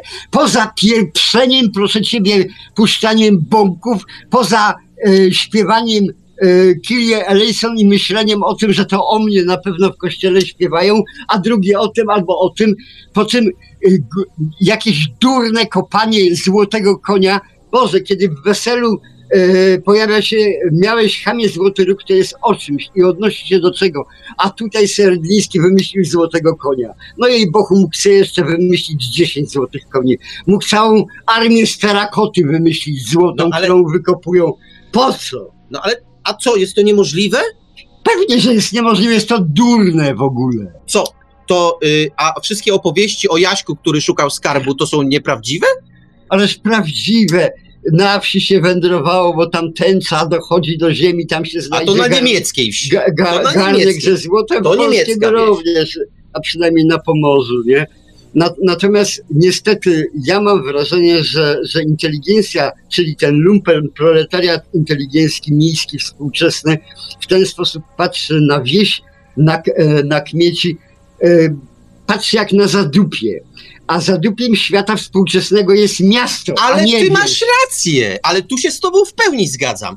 Ale to, że miasto patrzy na wieś jak na zadupie, z tego jeszcze nie wynika, że to zadupie jest. Dla mnie główny bohater w tej książce, owszem, myśli o, e, jak ty mówiłeś, poetycko o pieprzeniu i o kilku innych czynnościach e, życiowych, ale jest też człowiekiem racjonalnym. Zobacz, ty pytasz, gdzie jest kultura. To są ludzie ciężkiej pracy. Zobacz, jak on opisuje swój dzień. On pracuje, nieustannie pracuje praktycznie. Poza okresem zimowym, kiedy pracuje mniej, to pracuje nieustannie. I czego ty wymagasz? On ciężko pracuje, żeby ciężko pracować. I, i ten, y, zobacz, on wszystkie swoje, y, jak to się mówi, i zwierzęta, i te uprawy, wszystkiego dopilnuje. To Marku, znaczy co, durniem jest? Marku, Dureń tak by te, nie, tak, dureń by tego nie dopilnował. Poczekaj, e, to opisuje Redliński. Ja powiedziałem, błędem Redlińskiego jest ewidentne to, że pisze w, w pierwszej osobie. W pierwszej osobie należy pisać o sobie i Redliński mógł napisać o sobie i wtedy byłby wiarygodny. E, w pierwszej osobie pisanie e, Raymond nie robi w pierwszej osobie i dlatego mamy oddech, mamy perspektywę, widzimy świat, jaki jest i tak dalej i również domyślamy się, jakie są charaktery, jakie postacie w tej książce są. Tutaj się nie ma czego domyślać. Tu mamy nagiego króla, idiotę, głupka Nie, wiejskiego. nieprawda, nie jest głupkiem główny bohater. Uważam, że się mylisz, bo ty przykładasz do niego swoją miarę. W gruncie Żadnej rzeczy inteligent. Nie, ty jesteś też inteligentem, naznaczonym przez miasto i ty przykładasz do niego swoją miarę. A to, że on w wykonaniu Redlińskiego wydaje ci się durniem, to jeszcze wcale nie znaczy, że durniem jest. Ja mam taki dysonans z, ty, z tym, co Marek, mówisz. ty się odnosisz do własnej interpretacji. Ja się nie odnoszę do interpretacji, tylko do słowa, czyli do litery prawa. Tak Nie. jest napisane w książce. Nie, to jest A- twoja interpretacja tego, co jest napisane w książce. Y, tak? Tak. Przypomnę ci te śpiewki z Kyrie Eleison nie interpretujmy No w dobrze, żaden sposób. no okej. Tylko co to znaczy? Jezu Maryjka, co to znaczy? Powala, powala, każdego powali, bo trzeba być absolutnie istotą bezmyślną, nie mającą pojęcia o świecie, o religii, o czymkolwiek i tak dalej, a tacy ci ludzie na wsi nigdy nie byli, żeby, żeby walić teksty, które tam walą po prostu, nie? Bardzo, bardzo piękne. Tak? A powiedz mi, skąd się brały nie tylko na polskiej wsi, bo również w miastach, e, na przykład takie różnego rodzaju objawienia. Matka Boska się na szybie pokazywała, a to kawałek szyby zmatowiał na przykład. Skąd się brały takie zachowania? Bo Rydliński w gruncie rzeczy, kiedy opisuje, tam w gruncie jest scena prawie mistyczna, kiedy e, przybywają do tej wsi, e, nie wiem, Jezus Chrystus i, i dla ciebie mistyczna, dla mnie najbardziej głupia, jaką To jest, w życiu ale czytałem. to jest symboliczna scena. Dla mnie najbardziej głupia, I co, uważasz, że jaką na wsi, czytałem. i uważasz, że jest tylko taka, analo- taka, taka możliwość, że albo ci ludzie są durniami, dlatego w to uwierzyli, Ja już, wie, ja już widzę te wsie polskie, e, jak e, od Pomorza po Śląsk, jak wszędzie do tych mia- wiosek przybywają święci, trzej królowie wędrują i Matka Boska się ukazuje, wszędzie, kurde. nie wszędzie. Jak to nie? Nie, Wszędzie były kultury zamknięte, o świecie nie miały pojęcia, tylko w nie, ogóle nie. Wiktor, specjalnie ci powiedziałem, że ty patrzysz z perspektywy wsi wielkopolskiej, kujawskiej, pomorskiej. Tu, zobacz, nawet zabór jest inny, nawet zabór był inny. Kultura y, ta rolna, czysto rolna, już nawet pomijam wszelką inną, rolna kultura była inna. Inaczej, chłop był przyzwyczajony na przykład do kontaktów z urzędem i tak dalej, i tak dalej. My tymczasem poznajemy wieś białostocką. To naprawdę jest inne miejsce na ziemi. Nieprawda. Nieprawda, Marku. Znałem doskonale chłopów. We całej Polsce obszedłem całą Polskę, rozmawiałem z wszystkimi chłopami. Nigdzie nie spotkałem takich idiotów jak w Ale Konopielce. gdzie on jest idiotą? Przecież, Ale poczekaj, to jest moje wrażenie. Ja ci mówię No, to, co, no to, co tego. Nigdzie w polskiej wsi nie spotkałem takich no idiotów. to zróbmy No. eksperyment. Kiedy on rozmawia z nauczycielką, On z nią rozmawia? rozmawia, czasami rozmawia, Ja on się w pewnym momencie na nią obraził. Ona do niego mówi, on tam coś jej odburknie albo powie. Powiedz mi, w którym momencie nauczycielka może traktować go jako idiotę? Nie prymitywa, jako idiotę. Ona go raczej, kiedy on zabrania jej marnować żywność tam, bo obiad przygotowuje i nie tak, jak on sobie, jak on sobie to widzi, to ona go raczej będzie traktowała, traktowała jako skąpca, jako człowieka, który e, martwi się o rzeczy, o które martwić się nie powinien, ale nie jako idiotę. Ja cały czas polemizuję z tą twoją w gruncie rzeczy interpretacją, że to idiota był. Poczekaj, to wynika z czegoś, Marku. No to, to nie jest słucham. moja interpretacja. To jest twoja interpretacja. To wynika z moich obserwacji, w jaki sposób inteligencki lumpen proletariat po- postrzega innowierców. Otóż, Marku, Ale jakich innowierców? ale daj mi gada, Ale jakich innowierców? Nie pierdol, Marku, no. Jakich innowierców? Otóż bardzo, bardzo prosto. Wszyscy Europejczycy, którzy pojechali do Stanów Zjednoczonych, widzieli tam czerwonoskórych. Ci czerwonoskórzy posiadali inteligencję dorównującą inteligencji George'a Washing- Washingtona. Każdy przeciętny kmieć w Polsce dorównuje inteligencją, nie wiem, Spinozie, Platonowi. Ale, y, ale co ty mi udowadniasz? tak przecież ja tak cały czas mówię. Ja tak cały czas mówię. ale z tego coś wynika. Jeśli się posiada inteligencję, to się myśli również w sposób bardzo dziwny, bardzo różny. Inteligencja służy również, e, przynajmniej objawia się sprytem, e, wyrachowaniem, przebiegłością, w różny sposób, wojowniczością, zachowawczością, e, nie wiem, różnymi rzeczami, ale istnieje. Ale jest żywą materią inteligencja.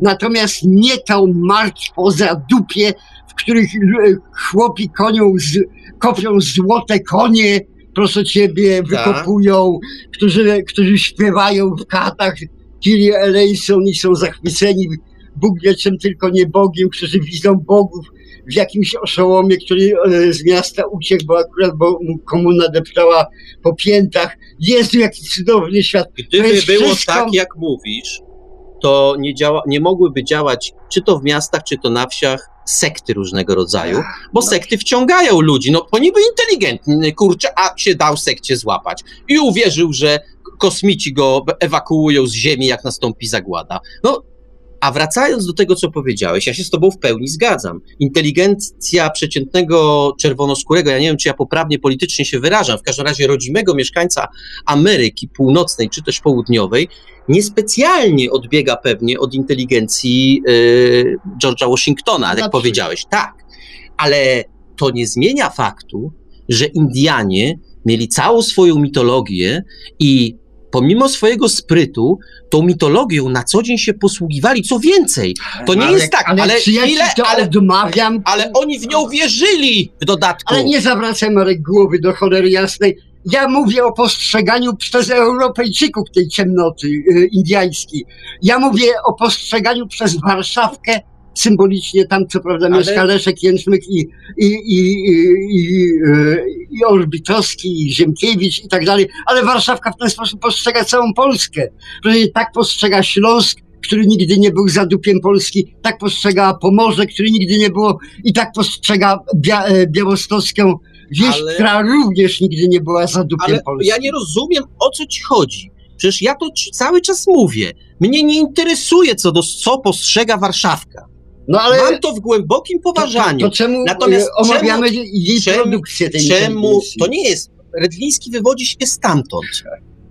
A chodzi mi o to, że ty próbujesz zrobić prze, y, do, dokładny pomost pomiędzy zachowaniami kulturowymi a inteligencją. A takiego pomostu nie ma. Każdy lud, czy to będą ci Indianie, czy to będzie, y, będą mieszkańcy wsi białostockiej, żyje w swojej kulturze i ona nie jest głupia ani Nie mądra. interesuje mnie w tej chwili, Marek, ta kultura. Ja, ja bez przerwy ci próbuję wytłumaczyć, w jaki sposób współczesna lumpen proletariacka inteligencja postrzega te kultury. Otóż ta No. odmawia im kultury, po prostu. Odmawia. Nie, I to ty im odmawiasz kultury, bo dla Jezu ciebie. Maryja. Ale Wiktor, Kończę audycję, Marek. Kończę. Jeżeli ja odmawiam kultury, nie Marku, ja kończę rozmowę z tobą w ogóle, bo zabieg, który, który ja w tej chwili zrobię zabieg taki sam jak Rodliński wobec, wobec swoich chłopów wykonał. Jaki, ja taki sam zabieg wykonuję wobec ciebie. no ja, Jesteś dla mnie ciemnota, y, przygłup w ogóle i, i, i tragedia. Y, Kultury tam nie ma w ogóle ja nie żadnej. widzę, ja nie widzę w dalszym ciągu. to jest zabieg literacki, Marek. ale to nie jest. On to zrobił, skoro to zrobił i to jest, wszyscy są pieją z zachwytu, to ja to mogę zrobić z ciebie. Jak się będziesz czuł, Ale ja nie wiem o co ci chodzi, bo nie rozumiem tego, Da- to mi wytłumacz. daj tą, y, tą książkę do przeczytania jakiemukolwiek chłopu y, z, z tej, z białostockiej wsi. Daj ją do przeczytania y, g- górnikowi, który zjeżdża win, wino do kopalni. Daj ją rybakowi albo góralowi. Przecież dostanie szewskiej pasji takiej samej, jak ja dostanę. Po prostu stwierdzi prosto, czytając literę prawa, ten facet inteligentny na pewno i powieściopisarz robi z nas idiotów po prostu. Bo my tacy nie jesteśmy. My wiemy, że tacy nie jesteśmy. Ale on sobie zrobił taki, taką parabolę literacką, taką, taką wydumał sobie taki teatr, na którym się e, pożywią i reżyserzy, i aktorzy, a wszyscy będą się śmiać po pachy, jakie to zabawne, jakie to fajne i tak dalej, nie? A to jest e, e, figura retoryczna. To jest jedno wielkie gówno po prostu, które w ogóle nie ma. Tego nigdy nie zrobiłby Raymond. Nigdy by tego nie zrobił Lew Tolstoy, którzy jakoś dziwnie woleli chłopów od, e, od, od tych całych inteligencji dworskiej, e, miejskiego lumpen proletariatu. Nie? Ja jestem po stronie zdecydowanie tamtej wsi, również Lwa Tolstoja, Reymonta Żeromskiego i innych, a zdecydowanie przeciwko Redlińskim i wszystkim e, innym takich ludziom, którzy robią idiotów. Ja ci tylko przypomnę, że y, to Żeromski napisał Rozdziobią y, nas kruki wrony i jak tam się zachowują chłopi. Nie są idiotami. Nie są idiotami, Mark. Ale Wiktor, postawiłeś w pewnym momencie tezę, któr, której moim zdaniem poza krzykiem nie uzasadniasz. Ty mówisz, że bohaterowie książki Redlińskiego to idioci, to prymitywy. Tymczasem ja twierdzę, że tak nie jest. Dobrze. I ty na mnie krzyczysz, że ja y, nie widzę czegoś, co powinienem widzieć. Tymczasem tak naprawdę, y, sorry, ale to jest tak. Ty widzisz w bohaterach konopielki idiotów, ja tam tych idiotów nie widzę. No. Ja się mogę zaśmiać w kilku momentach, ale y, w kilku innych książkach też się śm- pośmiałem kilka razy.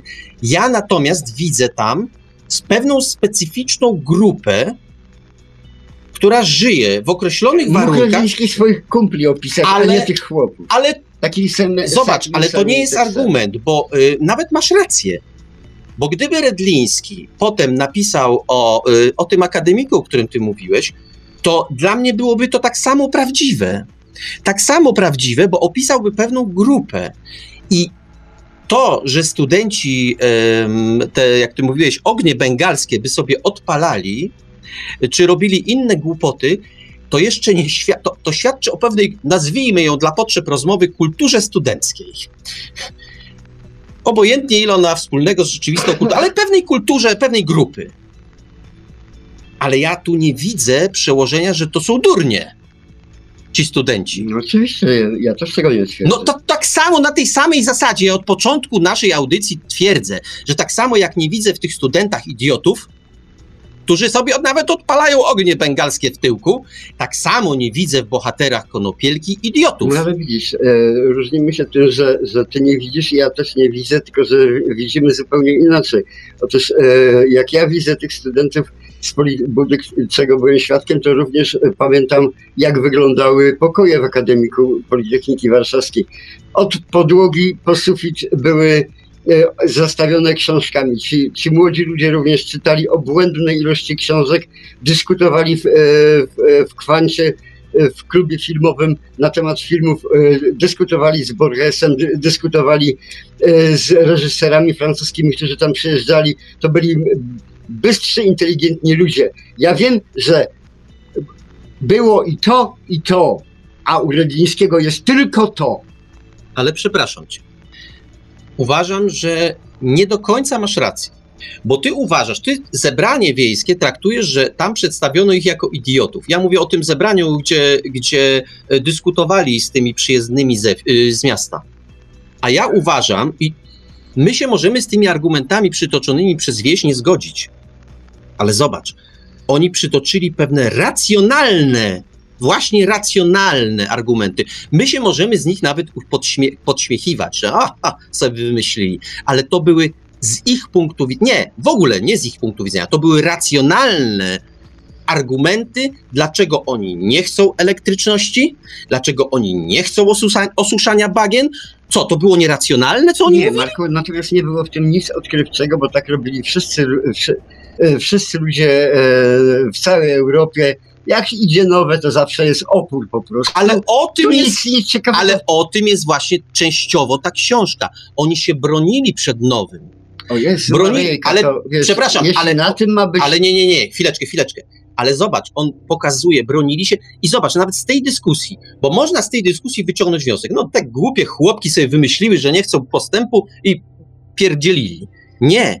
Oni przy, dla mnie oni przytaczają racjonalne argumenty, dlaczego tego nie chcą. No ale co w tym odkrywczego w tej książce? No wiesz, to na tej zasadzie możemy powiedzieć, że właściwie nie piszmy nic, bo właściwie w żadnej książce nie ma nic specjalnie odkrywczego. Nie.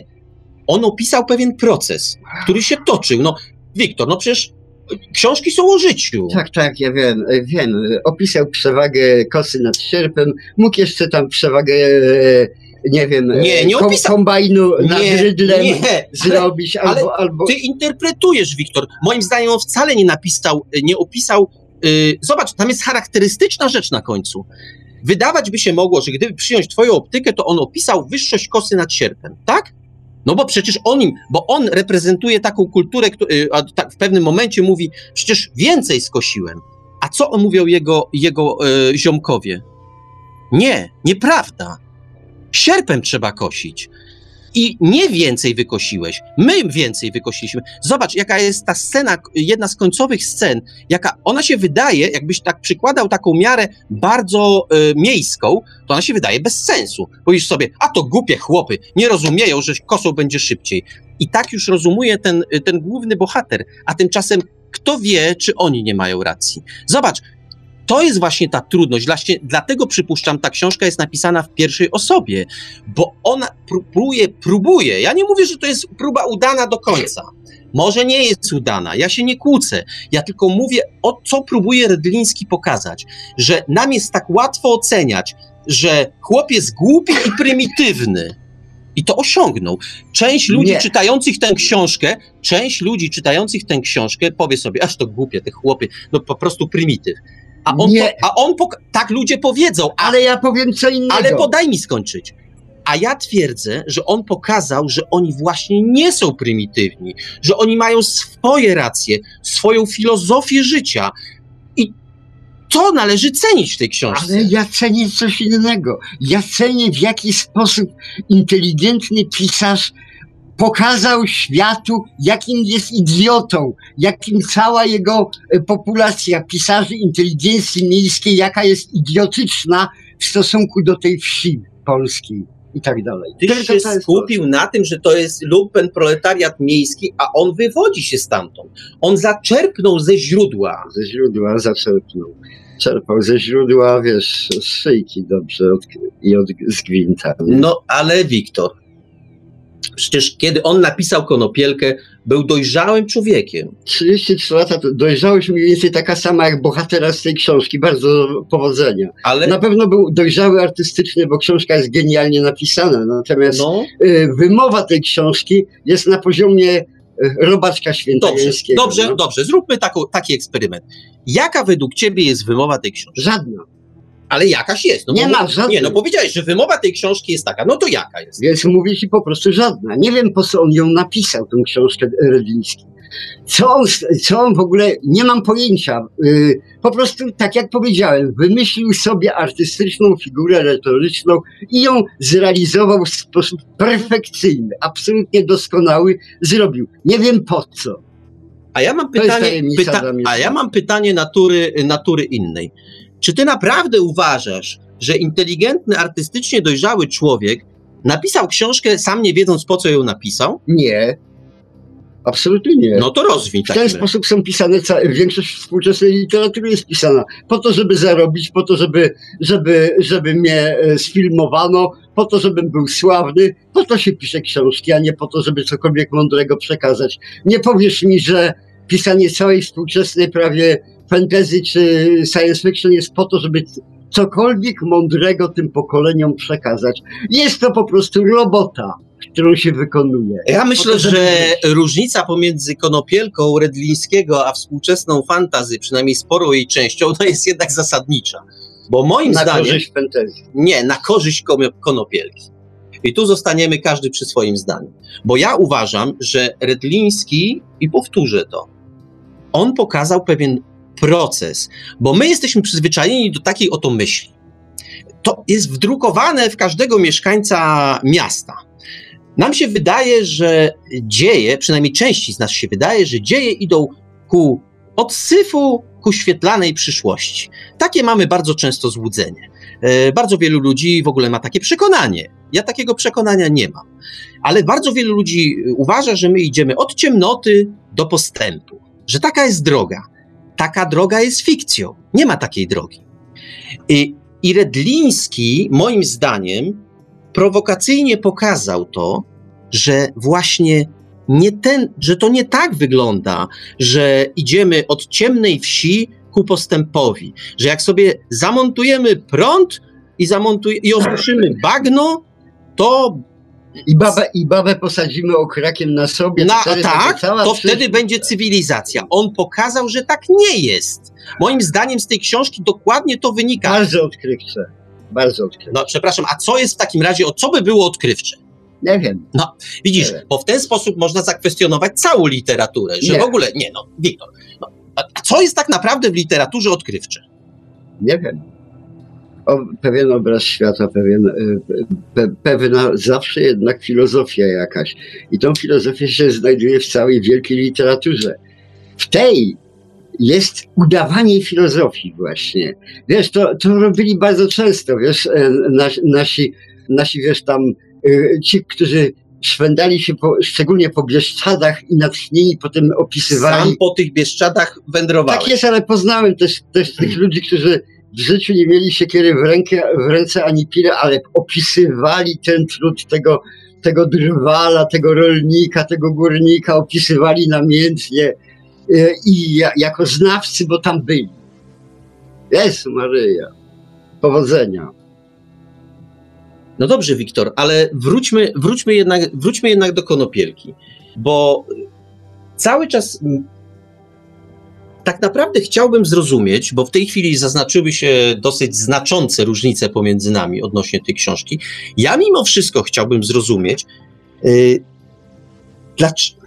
Cały czas nie rozumiem od początku, dlaczego ty przyjąłeś, yy, dlaczego uważasz, że spoglądamy, że oczy Redlińskiego, opis Redlińskiego to jest przedstawienie yy, prymitywów, yy, ty użyłeś słowa idiotów, yy, którzy żyją na polskiej wsi, a przecież nie żyją. Ja nie widzę tam tych idiotów. Mm, No to- ale to- pokaż mi, no pokaż Tak, mi. no tak, tam są sami, fi- sami filozofowie Nie. i genialni uczeni wręcz, Nie. łącznie z głównym bohaterem. Tam są- no, taki on jest, Tam tak? są, tam są, ale zapominasz o czymś takim, co jest bardzo ważną, e, bardzo ważną, e, to właściwie funkcjonowało na wsiach też. Tacy, taki chłopski filozof. Ja nie twierdzę, że któryś z nich był takim chłopskim filozofem, ale to Tam nie ma w tej książce takiego chłopskiego. Tam nie ma ani jednego mądrego człowieka, ani nie. jednego rozsądnego, nikogo A w ogóle. dlaczego nie są rozsądni? No dlaczego? No bo takich Redyński yy, przedstawił. A ja uważam, że y, pewne ich zachowania, tak jak za cały czas od początku o tym mówię, są racjonalne.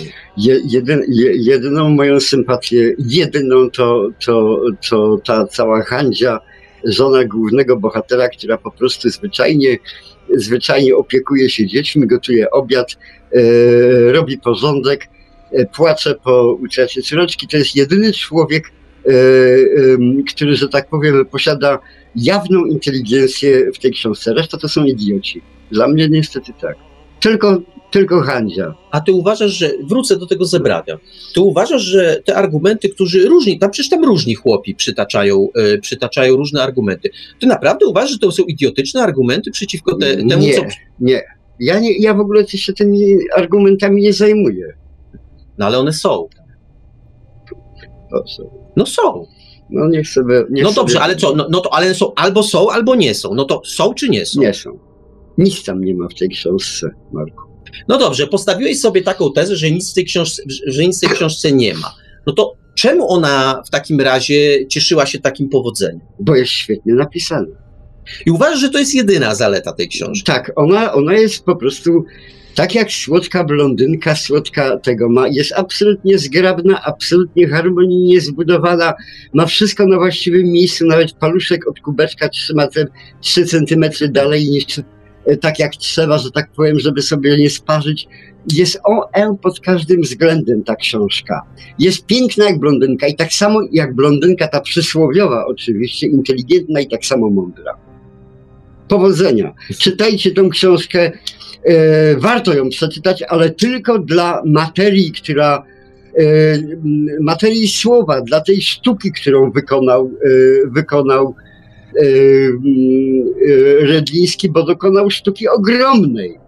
To według mnie to jest, ta, ta książka powinna być bezwzględnie w kanonie polskich lektur w szkołach, bo, bo nie wiem, czy kiedykolwiek zostało coś piękniejszego napisane, czyli, że tak powiem, ulepione jak ta słodka, idiotka blondynka. To zostało zrobione w sposób genialny przez Redlińskiego. Natomiast jeżeli chcecie wynieść z tej książki jakikolwiek światopogląd, to sobie daj, dajcie spokój, lepiej obejrzy, obejrzyjcie film, a nie czytajcie książki. A ja uważam, a ja uważam, e, nawet nie wiem czy odwrotnie. Ja uważam po prostu, że jest to, że jest to książka, która mówi kilka ważnych prawd o tym, że inny nie znaczy gorszy, że inny nie znaczy głupszy.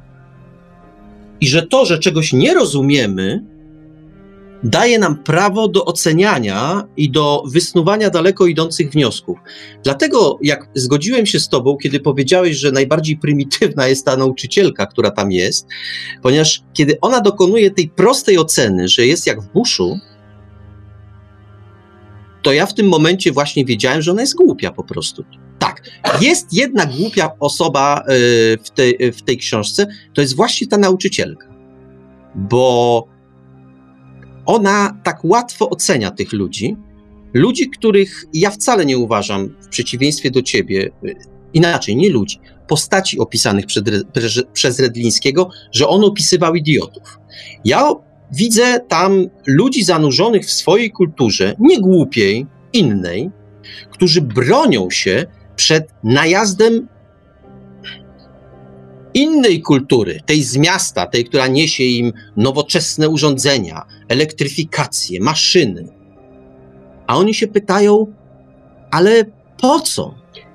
Pod tym względem, z takim przesłaniem, to ja radzę wszystkim, żeby sobie poczytali tysiące innych książek, które są pod tym względem tysiąc razy lepsze, bo ta książka to jest, że tak powiem, ta, w ten sposób przez Marka interpretowana. A poza tym ty bez przerwy mówisz, Marku, my. My postrzegamy, my postrzegamy, my traktujemy. Ja nie jestem my. Ja nie jestem po stronie ani twojej, ani Redlińskiego, ani tej całej bohemy artystycznej, literackiej, która uważa, że y, ma jakiekolwiek wspólne zdanie na temat.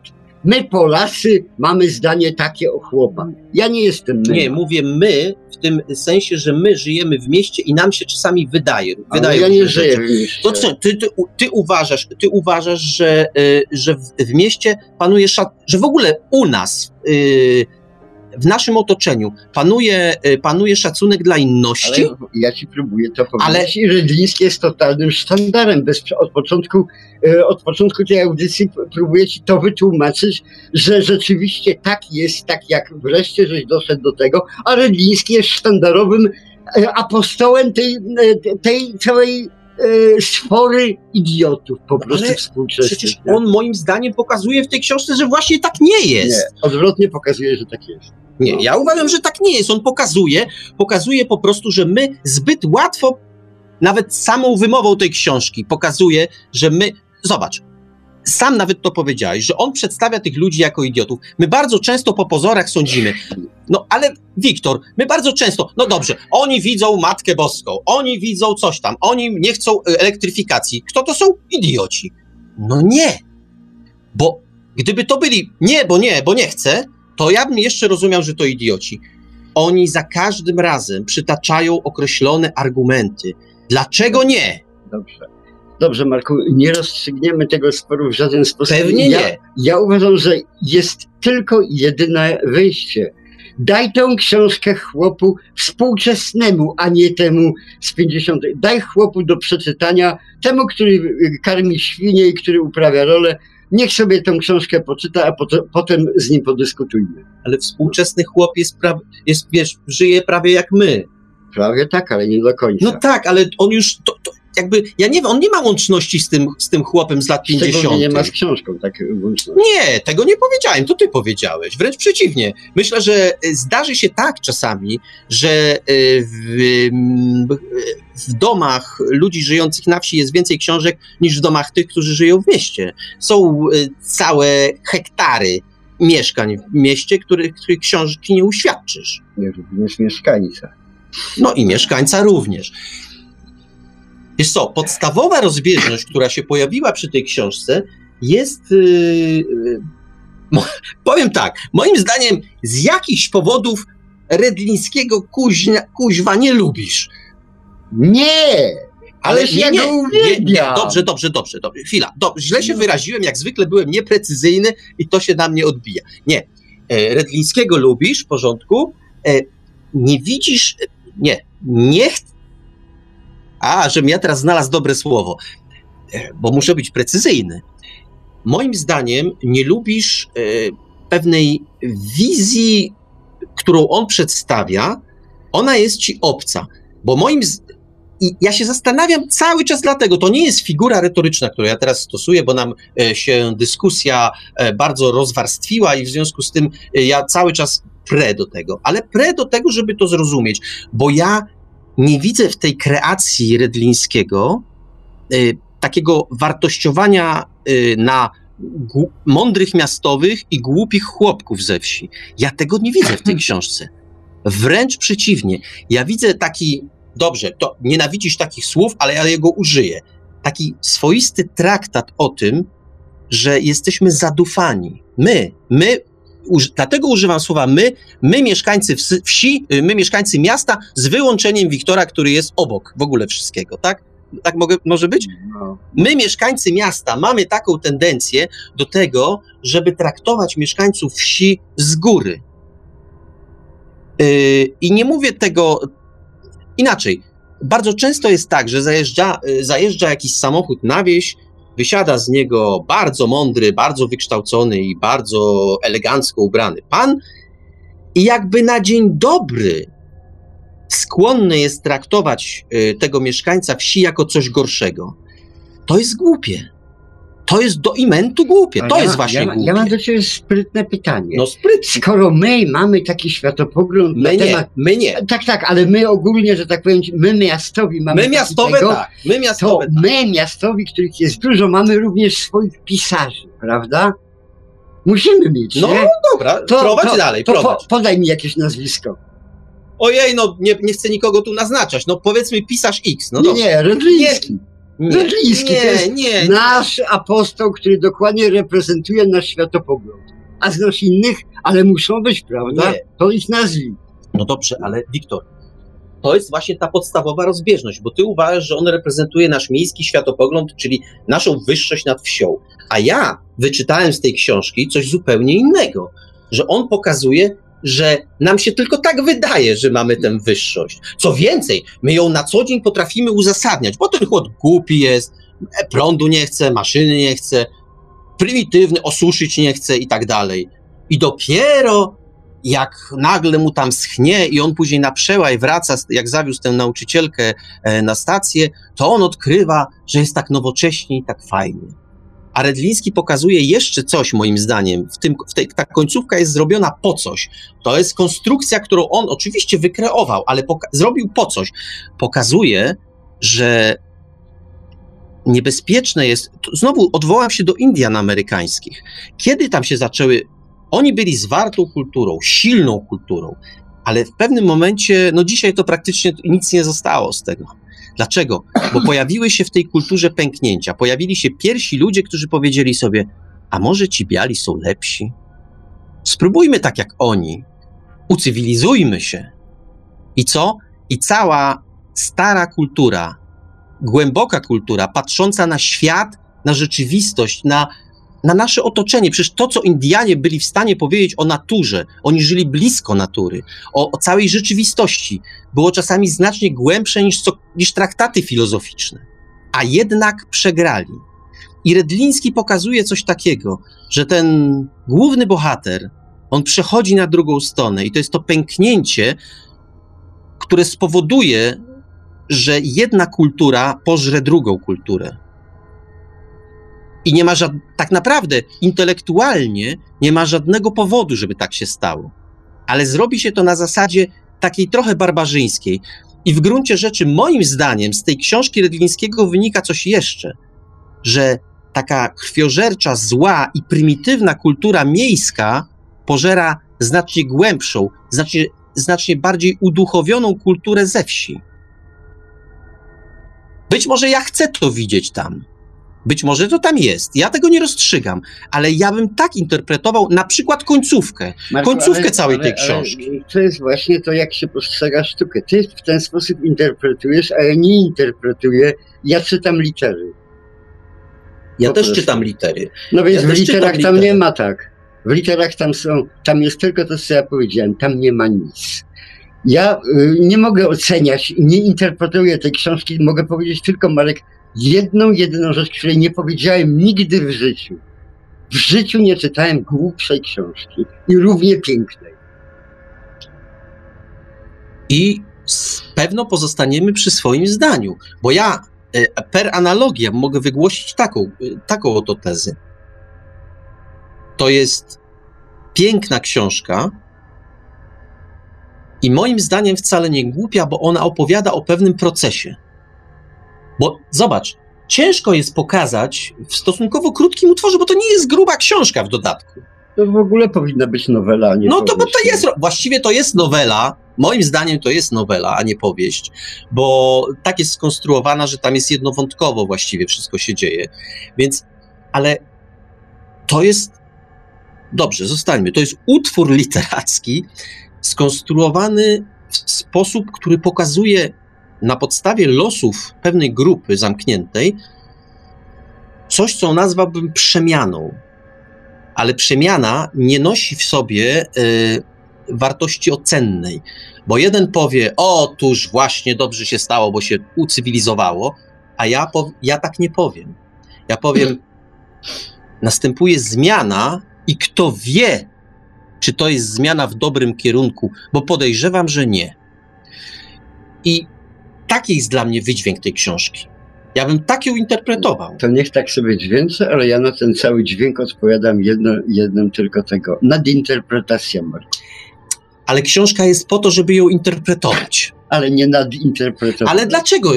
Dobrze. W ten sposób możemy również zinterpretować, że tak powiem, Mein Kampf, proszę ciebie, oraz y, Czerwoną Książeczkę Mao Tse-tunga, ale wspaniale, ojejku, jakie tam cudowne rzeczy są. Do, po, żeby filozoficznie to pociągnąć dalej. Nie, nie, o, nie, nie, filozoficznie się tego nie? nie da, bo to się nie broni. Ale broni. Nie, nie broni się. No, nie będziemy dzisiaj o Mein Kampfie rozmawiać, bo tu by zaraz służby specjalne i dwupłciowe się nami zainteresowały, bo jakiś tam jednak zakaz obowiązuje w naszym wolnym kraju. Gdybyśmy byli naukowcami z jakąś tam katedrą, albo przynajmniej e, z otwartym przewodem, notabene jakimś doktorskim, to może byśmy mieli prawo czytać Mein Kampf, a tak to nie za bardzo. Mamy prawo czytać pachnidło za to. E, mamy prawo czytać pachnidło. O, powiem. Po, powodzenia. Powiem ci tak, a właśnie. Dobrze, że jaki ty masz jednak. To, ja, to jest właśnie głupia książka. To jest właśnie głupia. To jest, również to jest, głupia to jest dopiero głupia książka, aczkolwiek pewno znajdą się i tacy, którzy się z kolei w tym wypadku mogę użyć liczby mnogiej, z nami nie zgodzą i będą pachnidła bronić. Natomiast jeśli chodzi o konopielkę, no to pewno, pewno dzisiejszą audycję e, zakończymy, e, jak to się mówi, a, um, różnicą zdań, zasadniczą zresztą. Obaj się zgadzamy, ale szukajmy punktów wspólnych. Obaj zgadzamy się, poprawnie jeśli, jeśli się mylę, że to jest dobre dzieło literackie pod względem e, że poprawnie konstrukcji i język, użytego języka. To jest wręcz genialne. Tak. Natomiast podstawowa rozbieżność dotyczy wydźwięku tej książki. Wiktor uważa, że. że, że właściwie nie mam co uważać, bo tam nic nie ma. A ja uważam, że to jest książka, która pokazuje nam pewien proces. Mówiłem to przed chwilą. Pewien proces, który na pierwszy rzut oka takiego miastowego człowieka może się wydawać procesem we właściwym kierunku. Otóż tak jak e, kiedyś e, biały człowiek cywilizował e, czarny lud w Afryce, tak tu jest pewna, następuje pewien proces cywilizacyjny. Odno... Tylko zwróćcie Państwo uwagę, że dzisiaj wcale się nie patrzy na tego białego człowieka, który cywilizował mieszkańców Afryki, jako na zjawisko pozytywne. E, e, myśmy tam zrobili więcej szkody w tej Afryce niż pożytku te wojny, które dzisiaj wybuchają w Afryce, to nie dlatego, że mieszkańcy Afryki mają jakiś taki gen e, morderstwa w sobie, tylko dlatego, że rządy, rządy kolonizatorów tak głęboko tam namieszały i tak skutecznie tam namieszały, że dzisiaj się ci rodzimi mieszkańcy Afryki ze sobą dogadać po prostu nie potrafią. E, nasza to zasługa naszej cywilizacji, naszych wspaniałych osiągnięć i w ogóle tego wszystkiego, co sprowadziliśmy. I teraz przez daleką analogię, czy to cywilizowanie, to wielki cudzysłów stawiam tutaj, które opisuje, ten proces, który opisuje Redliński, w takim krótkim fleszu, to się dzieje w kilka miesięcy przecież, czy moim zdaniem on tam stawia, stawia pytanie takie nieme, czy my tym ludziom przyniesiemy szczęście, czy oni to szczęście znajdą, bo oni są szczęśliwi ze swoim sposobem życia, ze swoimi wartościami, ze swoimi zwyczajami, ze swoim ze swoją codziennością po prostu. I to ja widzę w tej książce, a Wiktor mi zarzuca, że ją nadinterpretuje. Proszę Państwa, nie ma innego wyjścia, tylko yy, a to ja nie wiem, czy Wiktor mnie poprze, ale tę książkę trzeba w takim razie przynajmniej przekartkować, przejrzeć i albo przyznać rację mnie, albo Wiktorowi. No, pewno szans na konsensus w dzisiejszej audycji nie ma, absolutnie, przynajmniej taki, całość, taki całościowy. Natomiast to państwo muszą rozstrzygnąć, czy warto po tę książkę sięgnąć, czy nie. Czy jest to, czy jest to rzecz chybiona absolutnie, czy nie. Warto, warto. War, warto po tą książkę sięgać tak samo jak po, jak po Zniewolony Umysł, jak po Mich, Michnikowszczyznę Ziemkiewicza, bo ta książka doskonale opisuje stan umysłu twórcy takich książek, tej kultury współczesnej. Nie wiem, czy rozumiecie, co ja rozumiem, ale ja to tak rozumiem. No tak, ale ja bym to też tak powiedział, że yy, okej, okay. no niech tak nawet będzie. Na chwilę zróbmy hipotezę roboczą. Okej. Okay. Ale w takim razie, dlaczego zakładasz, że Redliński e, był tej kulturze opisywanej przez siebie niechętny? A może ta nostalgia, ta, to przekonanie, że robimy krzywdę tym ludziom, w nim właśnie tkwiła i dlatego to opisał. Ale Marku, ja nie, ja nie wiem, jaki był. No ja też nie wiem. No. Nie mam pojęcia mnie, mnie, to, mnie, mnie to naprawdę nie tego po prostu ja, ale mówię o samej książce, która jest w tej, w tej całej gigantycznej bibliotece ludzkiej, która, która została książek wyprodukowana, jest ja taką jedną stroniczką po prostu. Ja a propos tej stroniczki, ja mówię, że nie, to jest do chrzanu. A ja mówię, że tak i jest i warto. No i co? No to, to chyba to chyba tyle, no, jeśli chodzi o to. A, wiem, wiem, o co mhm. jeszcze miałem cię zapytać. Bo w pewnym momencie i u Myszograja, i u ciebie, i u mnie też pojawiło się odwołanie do chłopów Raymonda.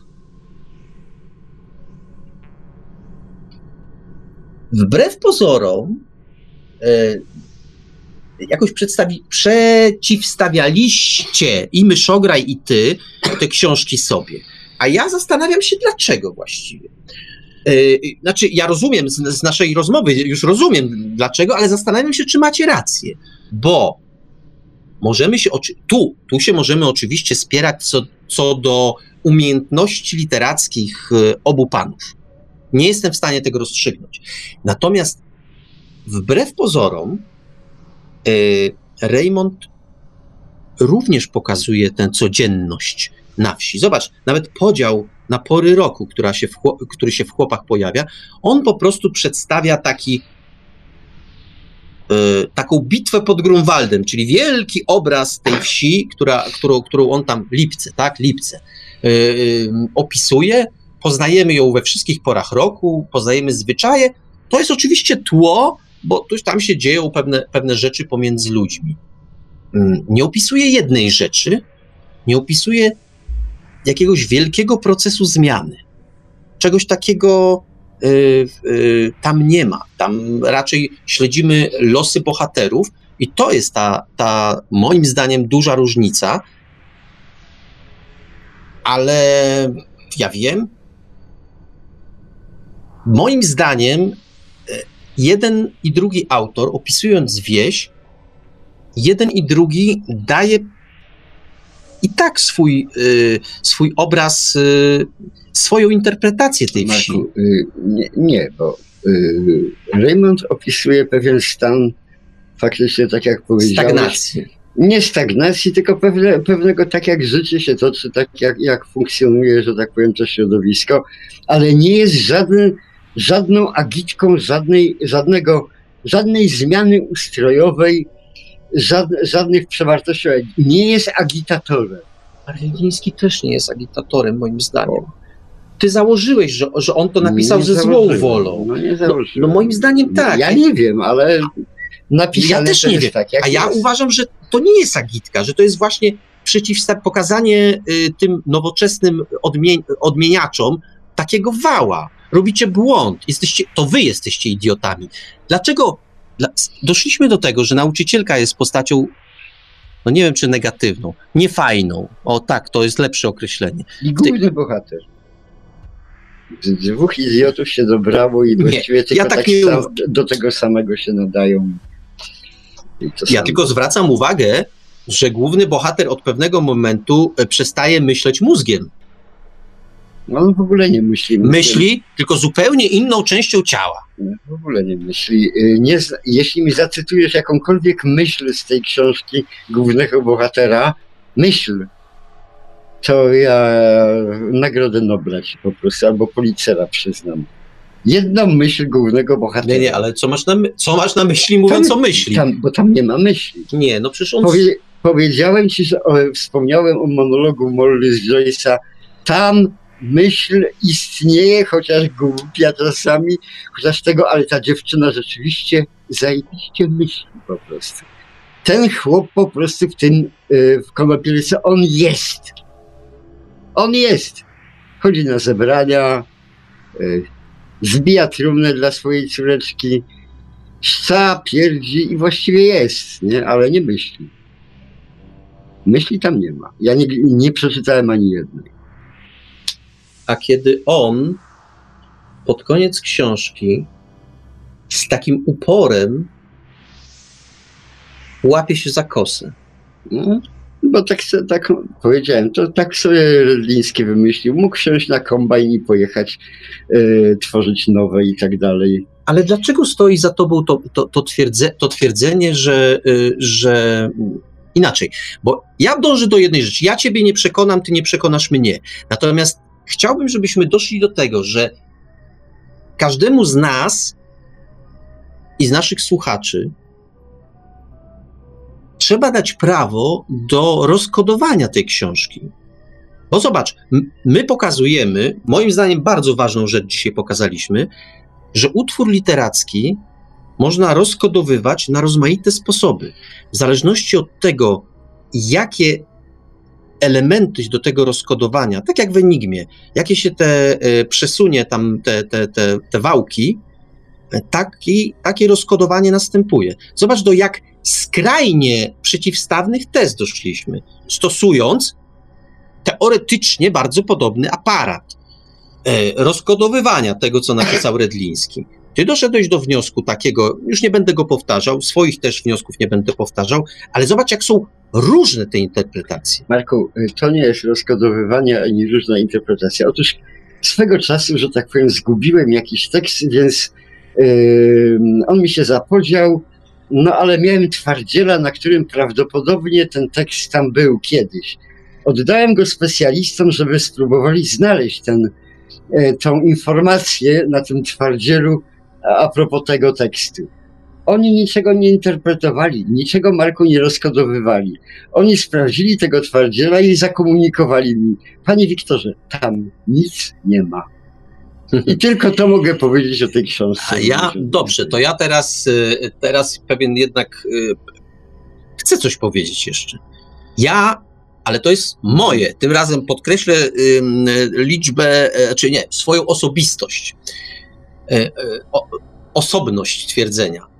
Otóż ja uważam, że nie ma utworu literackiego, w którym nie następuje proces rozkodowywania i interpretacji w każdym utworze, czy tego chcemy, czy nie, czy robimy to świadomie, czy podświadomie, te procesy następują, czyli my interpretujemy, my odnosimy się do swoich doświadczeń, do swoich lektur, do swoich y, wyobrażeń i rozkodowujemy to dzieło literackie. E, Stąd bierze się ró- różnorodność interpretacji, i ja się tylko zastanawiam, bo po dzisiejszej audycji e, odradzam na przykład naszym słuchaczom, żeby mm, wyciągali wnioski twarde, czyli jak Wiktor twierdzi, że jest tak, to jest tak. Jak Żelkowski twierdzi, że jest tak, to jest tak. Ja przestrzegam przed tym. Moim zdaniem proces tego dekodowania, czy też po prostu poznawania utworu literackiego powinien wyglądać tak. Siadło, siadło dwóch mędrków. Jeden ma na imię Wiktor, drugi ma na imię Marek i coś tam sobie pogadali. Jeden lubi, drugi nie lubi, trzeci się złości, cz- czwarty się złości jeszcze bardziej. Jeśli Państwo nie sięgniecie po tę książkę i nie przeczytacie jej, to nie będziecie wiedzieć, jak jest naprawdę. Nie poznacie swojej prawdy, bo prawda tak naprawdę jest w Was. W tym, co rozkodujecie z tej książki, z tym, co, z, w tym, co w niej znajdziecie. Takie jest moje zdanie. Wiktor oczywiście powie w tej chwili, mogę za ciebie? Mogę? Mogę? Nie. Nie? Ale Wiktor, a to i tak powiem, a Wiktor zaraz mnie sprostuje. Wiktor powie, że i tak tam nic nie ma. Pewnie, że nic nie ma, natomiast, y, natomiast zdecydowanie zachęcę również wszystkich, żeby tą książkę przeczytali, gdyż ona w tej warstwie słodkiej idiotki jest genialna po prostu. Nie musicie się z nią żenić po prostu, bo tam będziecie mieli tylko kłopoty, natomiast e, przeczytać, zapoznać się zdecydowanie tak, bo jest cudowna od, od strony artystycznej. No i to jest ten jeden element, y, w którym zdecydowanie się zgadzamy ze sobą, bo ja uważam, że językowo ta książka jest znakomita. E, pisał Marek Myszograj, że go odrzuci, odrzucił ten język, a to jest pewna rada na koniec może audycji. Otóż ja, kiedy miałem właściwie w życiu kilka takich książek, przez które nie mogłem się przebić. Jedną z nich była e, książka Masłowskiej, Wojna polsko-ruska pod flagą biało-czerwoną. Wierzcie mi Państwo, że język tej książki po prostu mnie stopował. Ja po kilku stronach albo zasypiałem, albo szukałem pierwszego dobrego powodu, żeby tę książkę odłożyć i zająć się czymkolwiek. Nie wiem, kopaniem grządek, których nienawidzę, którego nienawidzę wykonywać. Cokolwiek byłem gotowy robić, byle tej książki dalej nie czytać. Ale stwierdziłem, że no, nie ma takiej książki, której nie można przeczytać. Mimo wszystko podejmowałem kolejne próby i przy każdej z nich, yy, no, po, poległem. No, przy każdej z nich poległem. W końcu mówię sobie, nie, tak dalej być nie może albo jak mówi Ferdek Kiepski, nie musi. Y, wgrałem to sobie na syntezator, syntezator y, mowy i po prostu odtworzyłem to sobie do ucha. I nagle odkryłem, że to się całkiem nieźle, y, no trudno powiedzieć, czyta, ale słucha. I że jest tam w tym jakiś sens. E, to taka rada. E, później już stwierdziłem, że niekoniecznie należy stosować, e, stosować syntezator, żeby sobie coś takiego poznać.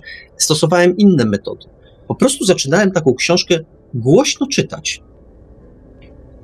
Po jakichś kilku stronach, to, to akurat nie w przypadku wojny polsko-ruskiej, ale przy innych takich cegiełek, z którymi miałem kłopoty, po iluś tam stronach człowiek wchodzi w ten świat, zaczyna go akceptować, i już może przejść na ciche czytanie.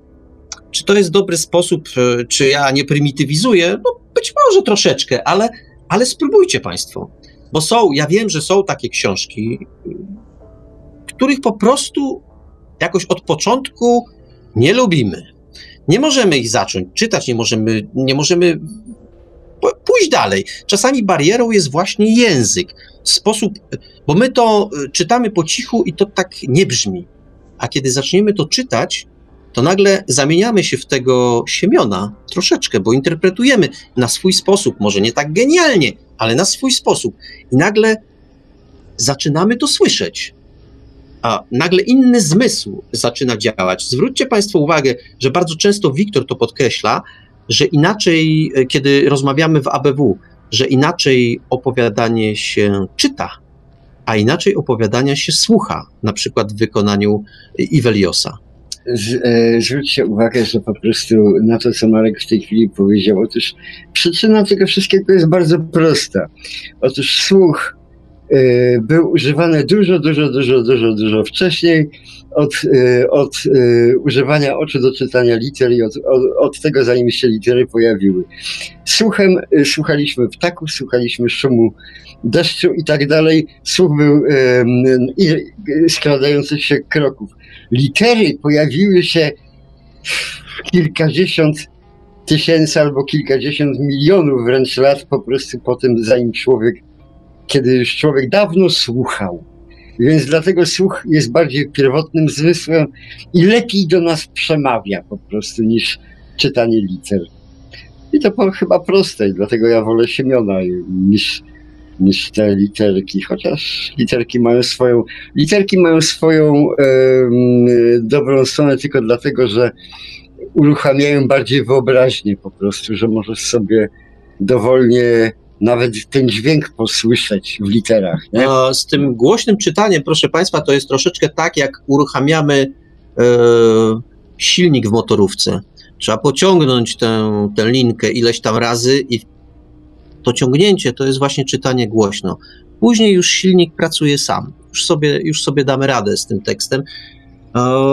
Ale przyznaję, że Masłowska i wojna polsko-ruska dała mi nieźle w kość i przypuszczam, że na podobnej zasadzie e, kłopoty miał Marek Myszograj, czy jeszcze wielu innych. Ja słyszałem, zresztą wielu, no, wielu to przesadzę, ale kilku ludzi mi przynajmniej mówiło o tej konopielce i o barierze języka.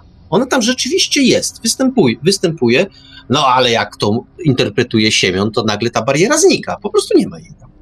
Ale wiesz też, zwróć uwagę na to, co podkreślało kilku y, ludzi, którzy tę książkę również czytali, że film, który zmienia perspektywę, to co ja powiedziałem, że z mojej strony błędem była pierwsza osoba w tej książce.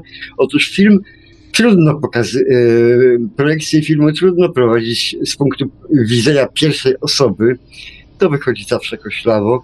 Otóż, e, kiedy daje to, tą perspektywę szerokiego takiego planu, to nagle się zmienia wszystko. Ja podejrzewam, że oglądając film, nie, nie widziałem go, ale chętnie tego, ja na filmie jestem prawdopodobnie w stanie za, w pełni zaakceptować również głównego bohatera, gdyż wtedy wszystkie jego myśli są dla mnie domyślne, a w książce nie, w książce są jawne. Tak, ale ja, y, ja mam tę przewagę, albo właściwie brak przewagi nad tobą, że ja ten film widziałem. Mm. I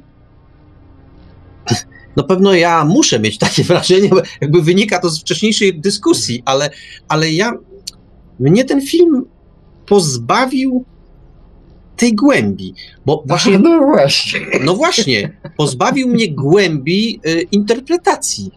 Bo dla mnie tam. Interpretację bierzesz, Marku, z siebie, a nie z książki. No, ta, no być może, bo ja powiedziałem, interpretacja to jest branie z siebie, ze swoich doświadczeń, swoich lektur, ale właśnie dla mnie niektóre zachowania w tym filmie, no właśnie były.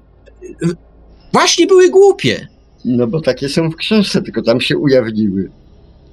Wiesz co? Jasno i prosto. Były głupie dlatego, że ja właśnie nie znałem myśli tamtych ludzi.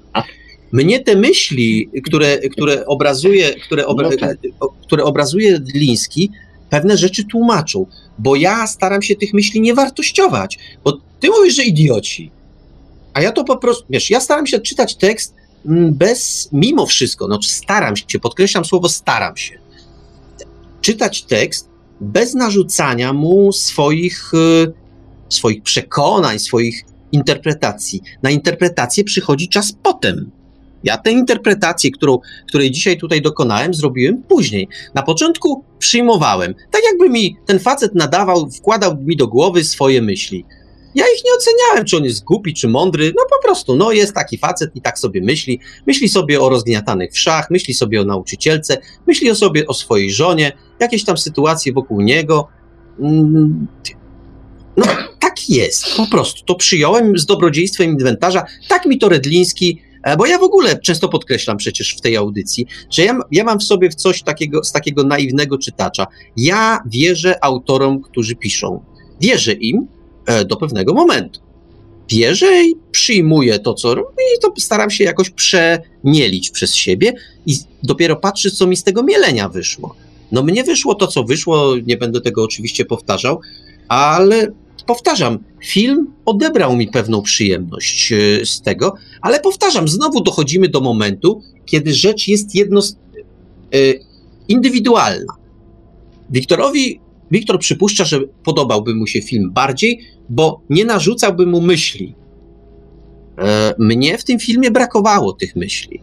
No proszę, jak, jak się można, nie wiem czy pięknie, ale mocno na pewno różnić. Ja wam zdradzę słodką tajemnicę Żurkowskiego, wiecie co? Wiecie skąd się biorą te wszystkie jego dylematy? On ma pewien problem sam z sobą. Otóż on ma złote serce, ale to serce zwykle zaćmiewa czysty rozum po prostu. Czasami należy wyjść z tych kaloszy złotego serca i dobrotliwości i stanąć obok z czystym umysłem jak żyletą i powiedzieć, stary, coś ty tutaj nastrugał do Rydlińskiego albo do każdego innego. Nie można, nie można być zawsze dobrym człowiekiem. A ja zakładam, może jestem dobry, może jestem zły, bo ja zakładam, że literaturę, to zresztą jest twoja myśl. Ja przepraszam, ale niestety będę mówił teraz z Żwikiewiczem, najwyżej mnie Żwikiewicz poprawi.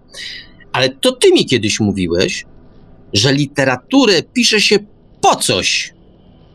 Ona czemuś ma służyć, ona mówi, ma mówić coś więcej No niż mówi, niż wyczytamy z liter.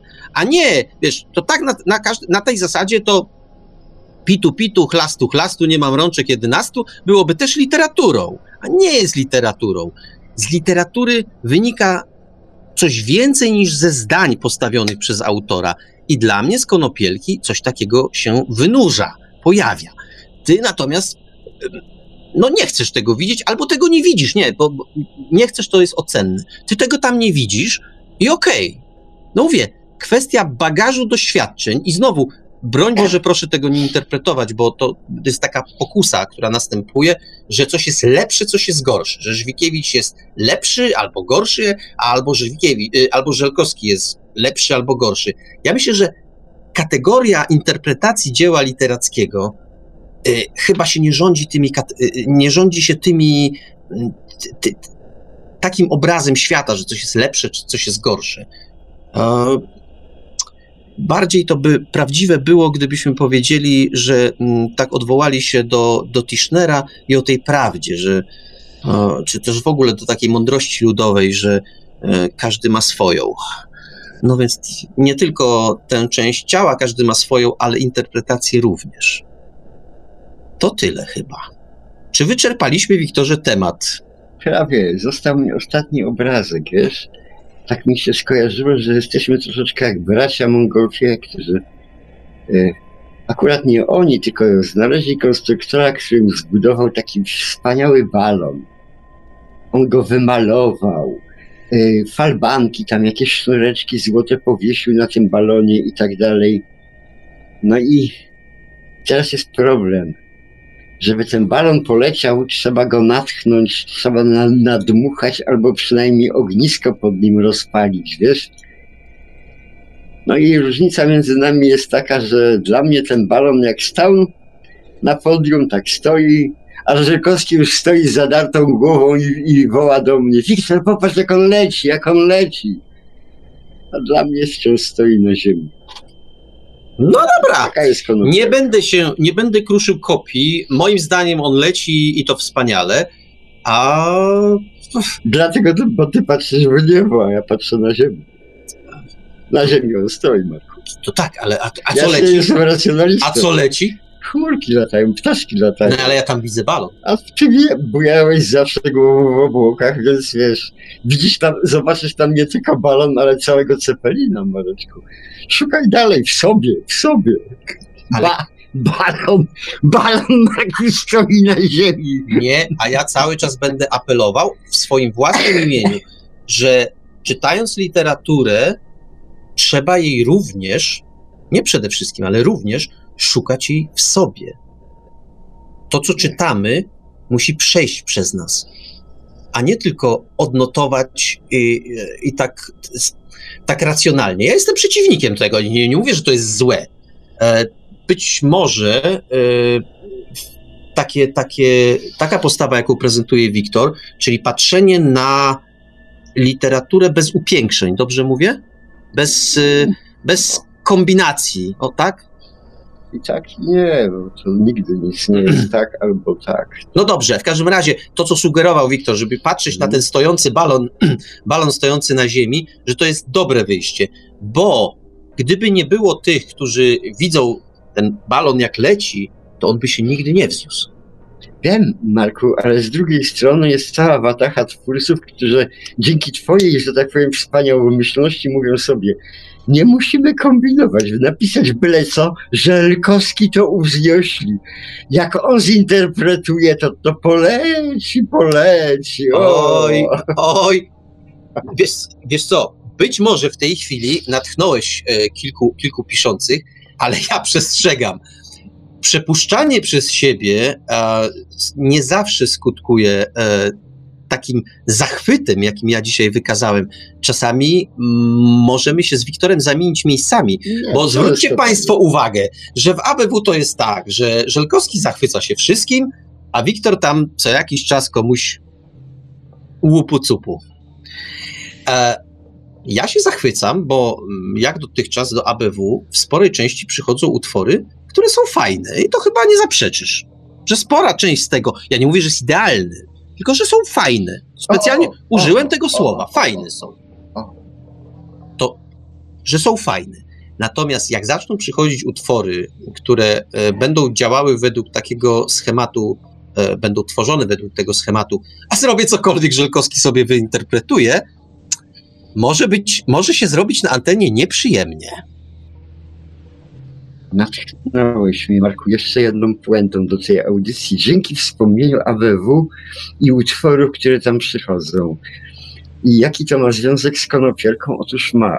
Otóż y, niejaki nasz przyjaciel Cichoń, kiedy pisał y, historię, zac- zaczął pisać o świnioryjach, w pierwszej swojej historyjce popełnił strasznego gniota, bo zrobił z nich, y, z, z tych swoich bohaterów takich samych idiotów jak Redliński z wszystkich innych w swoim utworze. Po czym?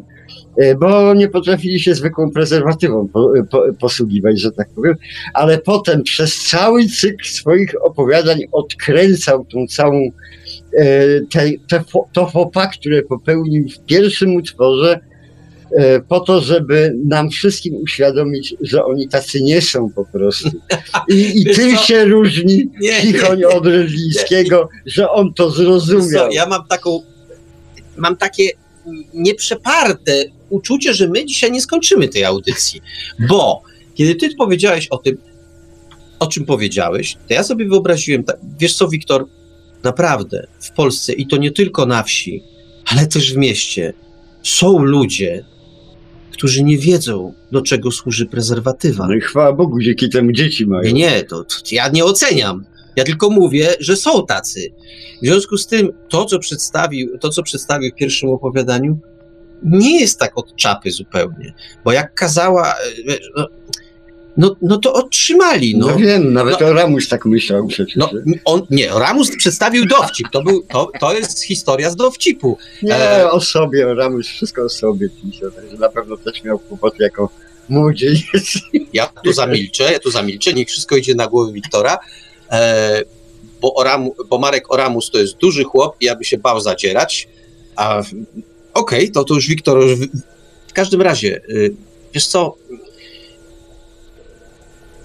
ja ci powiem, powiem herezję, dobra, niech, będzie, niech będzie, ja dzisiaj już tyle herezji wypowiedziałem, że niech będzie jeszcze jedna.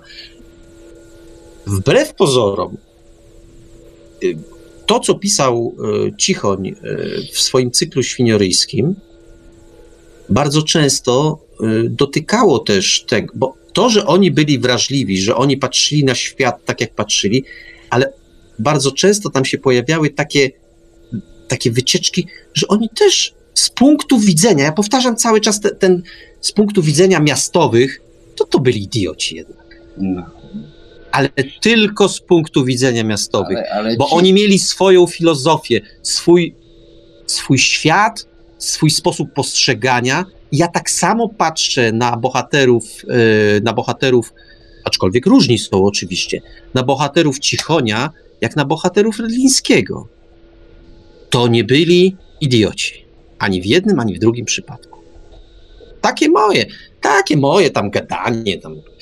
Nie trzeba tego brać poważnie, no to. Ale widzisz, y, ty- tym się różnimy, że po prostu ty patrzysz na bohaterów, a ja patrzę trochę na autorów. Otóż ja mam takie głupie wrażenie, że Cichon wiedział, co robi, natomiast Redliński tworzył, dał się ponieść uczuciu i natchnieniu i stworzył taką Wenus z Milo normalnie co najmniej. To, to jest tak piękne i wspaniałe. Nie pomyślał w ogóle o, o tym, co z tego wynika. A moim zdaniem pomyślał. No, No dobra, to tym optymistycznym Tym akcentem akcentem. możemy, możemy, możemy mm, dzisiejszą audycję poświęconą konopielce o, zakończyć. To znaczy, my, jak, jak tu u was zapadnie cisza, to nie myślcie, że wszędzie będzie cisza, bo tutaj po tej drugiej stronie w Bydgoszczy na pewnie będzie szczęk i ryżenie koni, bo Nie, no my się wymordujemy my się obowiązkowo. wymordujemy jeszcze. Wy, obowiązkowo No. to, jak wyłączony zostanie mikrofon, to tu noże pójdą w ruch, a może nawet i widelce. E, Ja tam będę przypalał. E, a, no jeszcze będę przypalany, no widzicie Państwo. Także lekko nie będzie. Mam nadzieję, że do, następnego, do następnej audycji wydobrzeje, e, a następna audycja e, ABW już za tydzień, a tym razem będzie taka trochę. Zobaczymy jaka będzie, nieważne. Za dużo nie należy mówić. Na pewno będzie interesująca. Na pewno będzie interesująca. Cóż więcej, za dwa, a za dwa tygodnie, za dwa tygodnie którzy y, lubią fantazy, powinni nas posłuchać. E, to, co powiem za chwilę, może się wydać e, sprzeczne z tym, co powiedziałem przed chwilą, ale odrobina cierpliwości. Będziemy gościć e, pana doktora Mirosława Gołuńskiego. W swoim czasie gościł, gościł na naszej antenie.